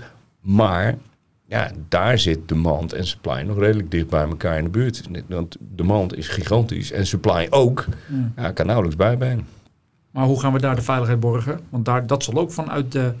Want ook daar, dat, dat kan of, eh, laat ik het zo zeggen, als we daar het installeren, daar hebben we nog veel sneller. Dat is natuurlijk, kijk, alles wat buiten is, daar hoeven we ons. Daar vind ik ook altijd, dat, daar, daar ben ik ook niet zo bang voor wat er buiten gebeurt. Maar wat er naar binnen gaat, daar gaan we gewoon wat meer, zeg maar, het, het, het, het publieke domein in. Ehm, en dan is natuurlijk de vergelijking met de magnetron snel gemaakt. Want ja, die gaan ook niet allemaal de brand in. Dat zijn ze ook niet allemaal. Alleen als er wat gebeurt, dan gaat het met een accu. Is er net even iets meer Ja, risico. Dat, dat klopt, maar daar, daarbij moet ik toch echt wel even eh, benadrukken. We hebben het hier inderdaad over de variant van batterijen, LFP.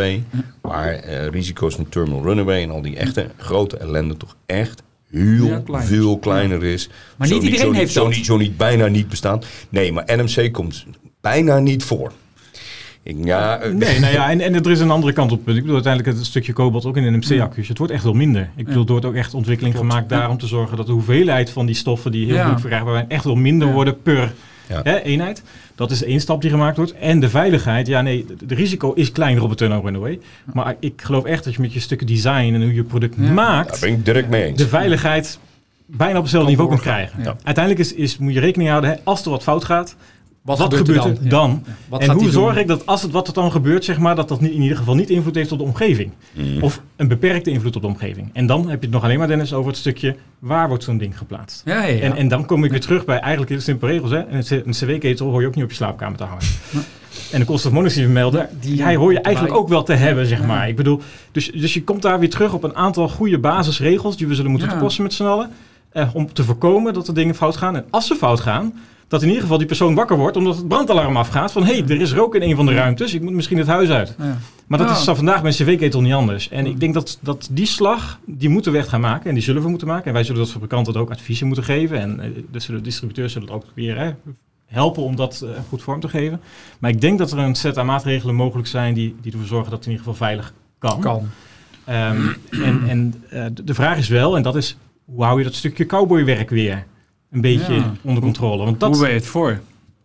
zo- Ja, hoe ben je het voor voor? deze Hoe keer? je- Ja. Ja. Kijk, we hebben van PV hebben we natuurlijk allemaal geleerd, denk ik. hè. We hebben grote fouten Ja, gemaakt. Dingen zijn veranderd, laat het zo zeggen. Maar hoe ben je het voor? Dat is, dat is altijd een, een uitdaging. Want als je het over normcommissiewerk hebt, Want dat we weten loopt het vaak allemaal. niet, Dat is niet voor op dat vlak. Dat is altijd na Island. Als je het hebt aan verzekeraars. Ik, ik bedoel, die vraag heb ik aan verzekeraars al gesteld. Ik zeg, jongens, wat moet ik aan mijn accuzijde doen om te zorgen dat jullie er nooit een issue mee zullen hebben? Zeggen ze, ja, dat kunnen we je niet vertellen. Want we, er Want zijn nog geen we, issues. We, we hebben nog geen issues. Dus er is, niemand neemt nog, zet nog voorwaarden erin.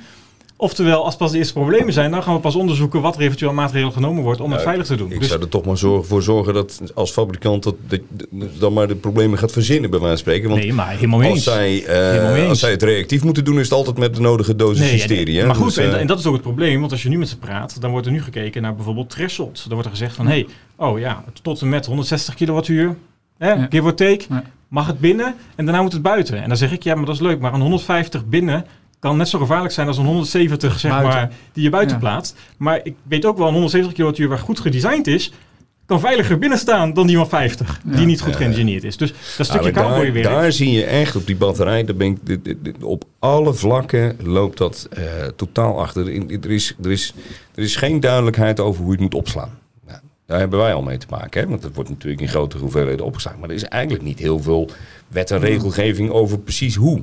Eh, vervoer, nou, dat is, dat is wel ietsje, beetje, ietsje beter geregeld, maar ook niet helemaal fantastisch.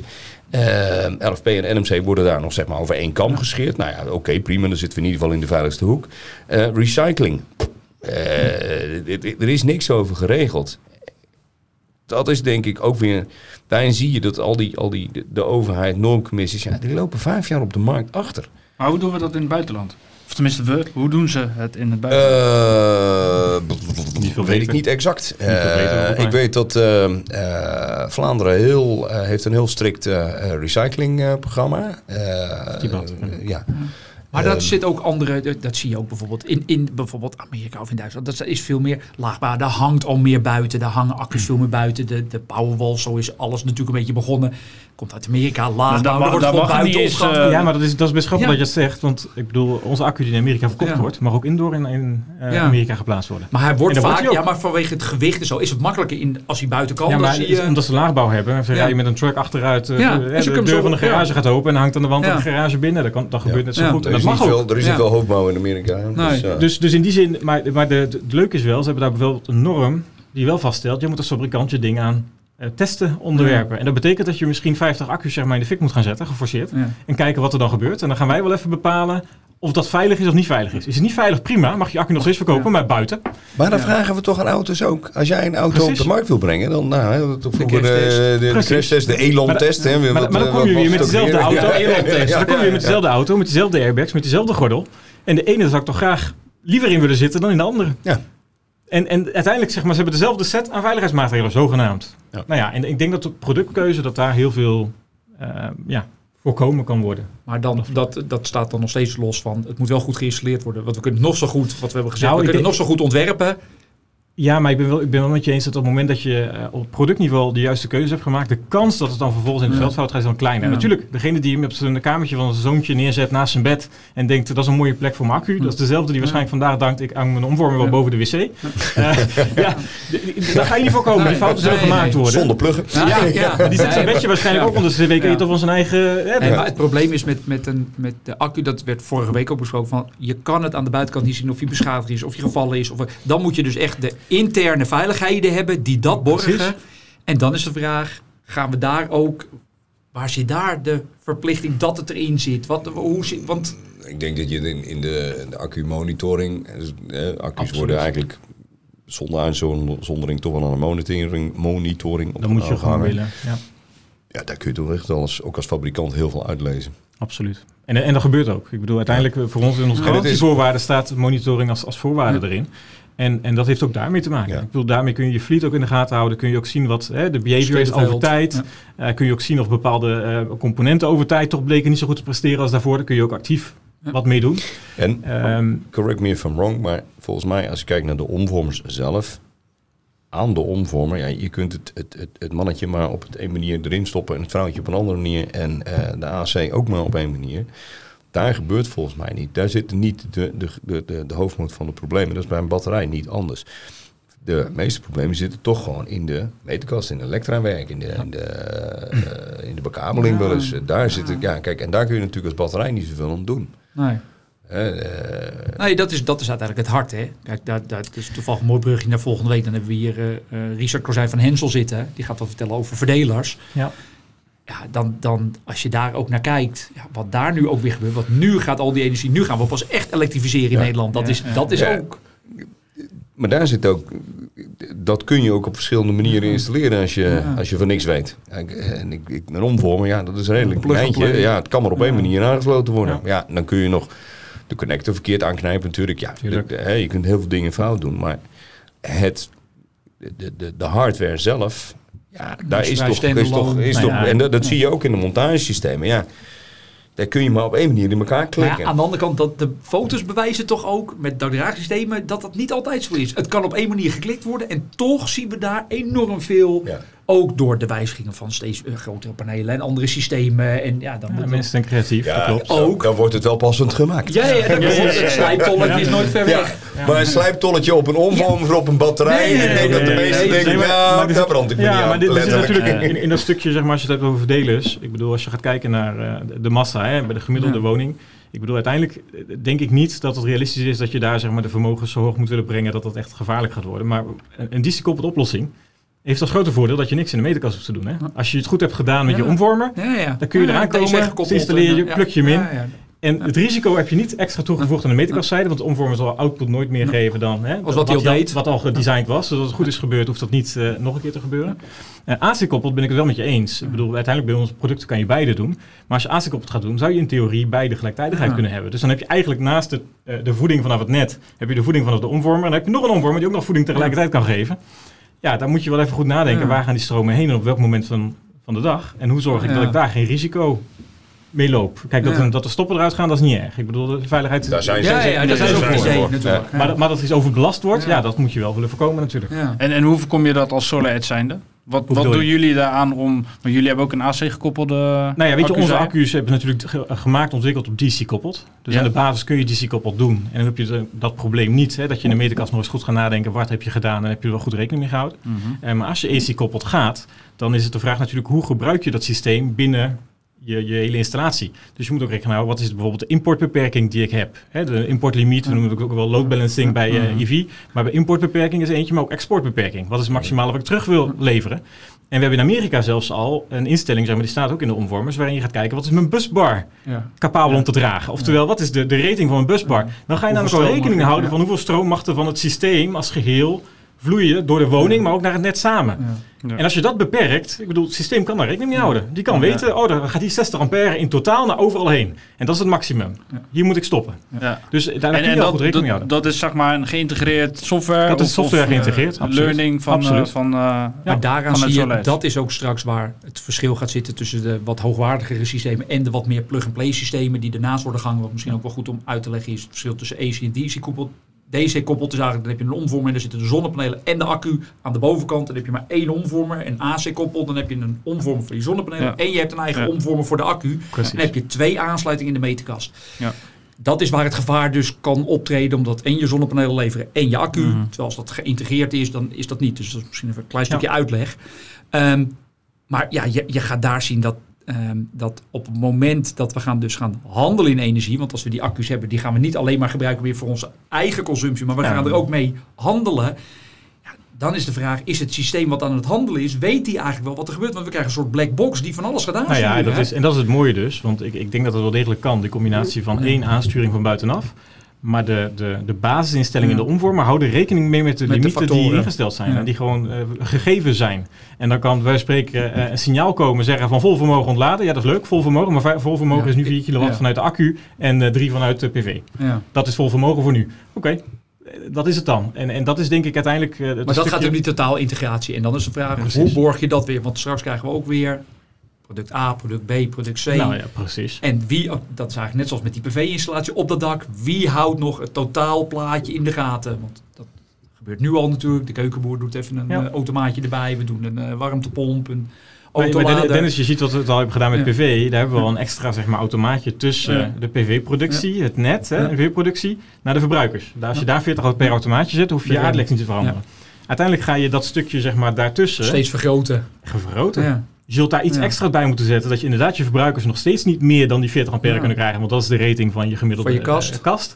En eh, dat de rest zeg maar, zich afspeelt binnen je hoofdzekering en de zekeringen van je, je lever eh, Ja. de- ja, eenheden, noem het maar even zo. En dat je die busbar, dus die bedrading daartussen, moet het maximale aan kunnen hebben wat Wat er geleverd kan worden in de richting totaal. op kan Ja. gaan. Maar daar zul je zien dat die, de totaalintegratie, dat is maar, ik pleit daar wel al wat langer voor. Ik probeer natuurlijk ook daar heel veel duidelijk in te maken van laten we nou eens kijken naar, laten we nou eens, Ja. die, die verdienmodellen eens los, laten we nou eens naar die laagste prijzen eens los, laten we nou eens gaan kijken wat is nou de functionaliteit, wat willen we, wat zoeken we.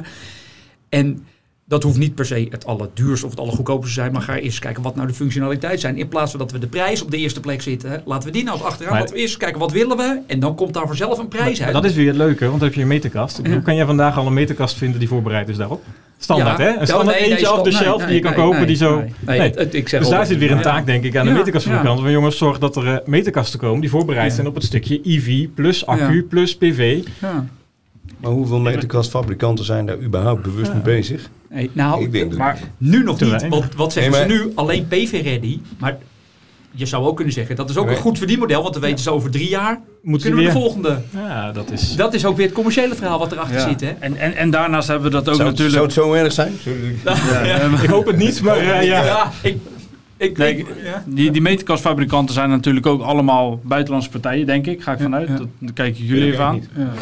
Ja, ja, we, we, hebben eigenlijk niet Ja. echt... We hebben wel Nederlandse En- en vertegenwoordiging, maar... En daar waar we weten dat Nederland eigenlijk voorloper is op het Ja. gebied van residentiële daken, dat is hetzelfde Maar- als de maar grote waar de wel- Ja, maar de Chinezen setup niet... van eh, onze Nederlandse meterkast is niet een standaard. Hè? Ik bedoel, Duitsland hebben ze echt een andere meterkast, Ja. Engeland anders. Dus Ja. de stromen en de dingen zijn echt wel... ze maken die kasten echt wel specifiek voor Nederland. Dus die line-up kunnen ze echt aanpassen. Ja, maar als zo'n eh, bedrijf in een, weet ik veel, een land zit waar ze nog niet heel veel solar doen, dan kan ik jou verzekeren dat het solar gebeuren in Nederland gewoon totaal niet bij eh, de ontwerpers daar, bij de, de technische afdeling eh, in de Absoluut. kamer achterin, Ja. dat die ook maar enigszins Ja. op de focus staan hoor. Echt Die hebben nog steeds niet. de, de 2004-tekening van Ja. een Nederlandse Ja, woning. en- En, en zo moet die meterkast ja, ja, eruit zien. precies. Die Ja. kijken, naar de NEN, die kijken naar de NEN, wat staat er in de NEN? Nou, dan gaan we dat doen. Punt.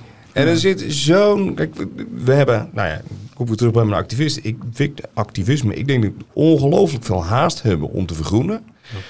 Maar we zitten in een, in een, in een domino... In een soort... Nou, niet eens een trekharmonica die zo traag in en uit gaat. Dat ik af en toe ook denk... Ja, jongens, weet je... eh, Maar dat is een mooi bruggetje, want dat, dan zijn we eigenlijk weer terug bij het begin natuurlijk. Vorige week ook gevraagd. Wat zijn de vaardigheden die de vakman of vakvrouw in de komende vijf jaar nodig heeft? Wat hebben we nou echt nodig?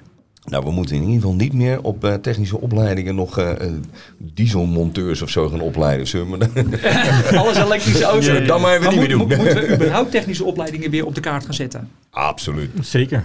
En ik denk dat, dat nieuwe energieën, zeg maar, dus eh, nieuwe ontwikkelingen echt meer voorrang moeten krijgen bij die opleidingen. Ik bedoel, bij de Ja, standaard absoluut. mbo moet dat gewoon eigenlijk iets zijn wat, wat ze standaard als eerste zeg maar nu erbij Ja, pakken en wat ouders af weglaten. Absoluut. Eh, Daar begint het denk ik hoor.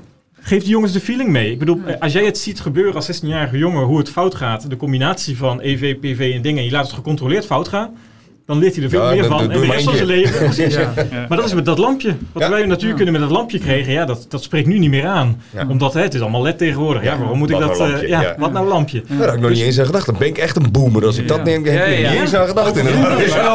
Precies. Het, het wordt nu elektronisch geregeld, dus ik ben nu achter die controller aan het... Ja. eh, Wat denk jij, eh, Joko, vaardigheden voor? Waar, waar, waar zie jij nog eh, ik denk dat sowieso de controles eh, op eh, residentiële daken sowieso veel strenger moeten. Eh, en die moeten er ook komen, à la scope 12. Dan misschien iets minder streng en iets minder... eh, maar alleen constructietechnisch of zeg je totaal? Dus ook binnen meterkasten, ja, omvormers? ja, dus juist, juist, juist. En dat je daardoor al mensen dwingt om het vak te gaan leren. Of in ieder geval het trucje te gaan leren wat er gedaan moet worden.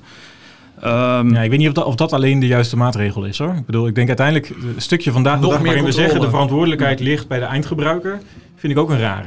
De ja. verantwoordelijkheid wordt er, ge- zit er bij degene die met zijn vingers eraan zit. Ja, bij de die hoort verstand te hebben. En als er iets Ja. fout gaat, is hij aansprakelijk. Ik bedoel, uiteindelijk zit daar al een hele kromme iets in. Waardoor eigenlijk je als installateur eigenlijk kan doen wat je wil. En de verantwoordelijkheid is toch van Ja, eindgebruiker. we vragen mensen die er totaal geen verstand van kunnen hebben. Precies. Vragen we de verantwoordelijkheid te nemen. Precies. Ja, nou dan ben je er snel Dus, vanaf. dus voor mij betreft zit daar al een Nee, grote slag te maken. Ja, zeker om die verantwoordelijkheidsgevoel op te wekken bij een installateur. Want let op, alles wat jij dat doet, daar zit mijn bedrijf bij spreken als bedrijfseigenaar, ben ik verantwoordelijk voor. Ja. Dus zorg alsjeblieft dat je de kennis op orde hebt, dat je het doet zoals hè, het hoort, omdat het veilig, zodat het veilig in ieder geval gebeurt. Maar het begint, en dat ben ik wel met je eens, het begint met eh, herzien van wat we allemaal op de technische educatie en in de technische scholen, wat we daar leren aan de mensen.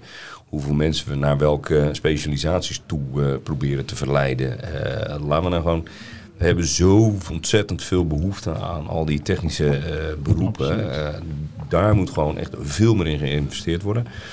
En ja, wat we net zeiden, een stuk gewoon, gewoon eenvoudige communicatie. Jongens, dit zijn de twaalf punten. Een leuke poster, mooie foto erop. Nou, eh, er hangt altijd een, een of andere schone dame in die kantine. Hang daar nou gewoon een mooie poster naast. Van dit zijn de twaalf punten waar je op moet letten. Dat we de En zo verder, en zo verder. Weet je, we kunnen het allemaal wel tot in het allerlaatste detail. Precies. 80-20 regel, jongens. Als we nou gewoon zorgen dat 80% van de fouten niet gemaakt worden, dan heb je het grootste gedeelte al opgelost. Nou, laten we dat proberen met z'n drieën is. Of we dat, als we dat als bedrijven bij elkaar. Want als de NEN het niet doet, omdat daar eh, misschien een model achter is. Maar laten we het eens op. Want de postertje lijkt me niet moeilijk. We hebben allemaal marketingafdelingen. Die zijn allemaal bezig nu met allemaal leuke commerciële aangelegenheden. Laten we daar eens naar kijken. De twaalf eh, grootste puntjes. En dat we dat op één hoop. eh, want dat is eigenlijk de En, makkelijkste om mensen echt te doordringen. Ja. En laten we daar eens. vind ik een mooie afronding. Ehm, ik wil ook gelijk even de gast voor volgende week wil ik, eh, introduceren. Want ook dat is, het is niet alleen voor vandaag, maar ook voor volgende week. Ehm, juist dat we die eh, mensen ook de kans geven dat er wat vragen kunnen worden gesteld. We hebben volgende week Daniel Spierenburg. Die is eh, troubleshooter bij Solar Charge Solutions, Scope 12 inspecteur. Alles wat hij tegenkomt als Scope 12 inspecteur. En nu de uitval van installaties die al wat langer liggen. Hij ziet zoveel en hij is nu zo bezig met dat troubleshooten. Daar kunnen we zoveel van leren met fouten die we hebben gemaakt om die niet meer te maken. Dus daarvoor ben ik blij dat, eh, eh, dat Daniel komt. We hebben Richard Kozijn, zei ik al. Die is van Hensels, een verdelerfabrikant. Dus die maken onder andere eh, groepenkasten, verdelers. Hij ziet ook waar het naartoe gaat met de accu's, met de auto's, want daar hebben we het nog niet eens over gehad. We hebben het over PV gehad. Waar daar de verbetering zit en wat er wel kan, eigenlijk vrij makkelijk, kan hij goed uitleggen. Dus die hebben we ook. En ik ben heel blij dat ik, ja, ik zeg het, het is de tech-nerd van de, van, de, eh, van de branche. Jeffrey Bartels, die is eh, van Edmai. Die zit, die zit puur in het hart, die zit in de energiehandel. Hij zorgt ervoor voor de flexibele energieprijzen. Dat je daarmee dat we windmolens gaan schakelen. Dat we zonnepanelen aan en uitzetten. Dat we boilers in en uitschakelen. Dat we auto's gaan opladen. Het is geniaal hoe die man in de branche zit. En je hoort hem nergens. Want ja, hij is een beetje. Dat is de, laat ik zeggen, de tech-nerd die lekker achter zijn computertje zit. Achter de algoritmes. Ik ben blij dat hij de tijd heeft gevonden om toch hier zeg maar, bij het kennisdelen toch wat te komen vertellen.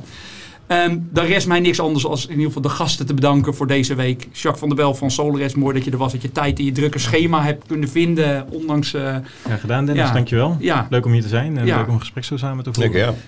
Peter, eh, Peter de Smet van, eh van die ook leuk dat je er was, uitgesproken. Ik denk dat je redelijk hebt Peter in te houden. Ik heb Ik een heb paar vraagjes ook, heb eh. Ik heb een aantal vraagjes geprobeerd nog een Ja, ja, beetje ja. achtergehouden. Want dat vind ik ook, eh, dat, ik denk ik zal je niet te veel op stang jagen. Ja, ja. En eh nou, jou kan natuurlijk hartstikke mooi ook de, de, de input, juist ook als Nederlandse fabrikant. Helemaal ook eh, ja, puur hier in Nederland. Eindelijk nog een Nederlandse fabrikant die we nog hebben. Die, dat, is ook, dat is ook wel wat te doen. Ik heb voor jullie ook alle drie de kennismunt natuurlijk. Voor het delen van jullie kennis. Want ook die krijgen jullie gewoon Fantastisch, dankjewel. Hartstikke mooi. Ik wil alle kijkers bedanken voor, eh, ja, ja, voor deze mooie uitzending. Ik hoop dat jullie, eh, dat jullie er ook wat, eh, wat van vonden. En dat er volgende, keer, volgende week weer wordt gekeken. Dus eh, duimpje omhoog, abonneren. En ga deze mannen ook volgen op LinkedIn. Als er vragen zijn, stel ze. Ook voor de, vol- de sprekers voor volgende week. Want dan kan ik die vragen meenemen als die er zijn. Dankjewel, tot volgende week. Tot ziens. Jo.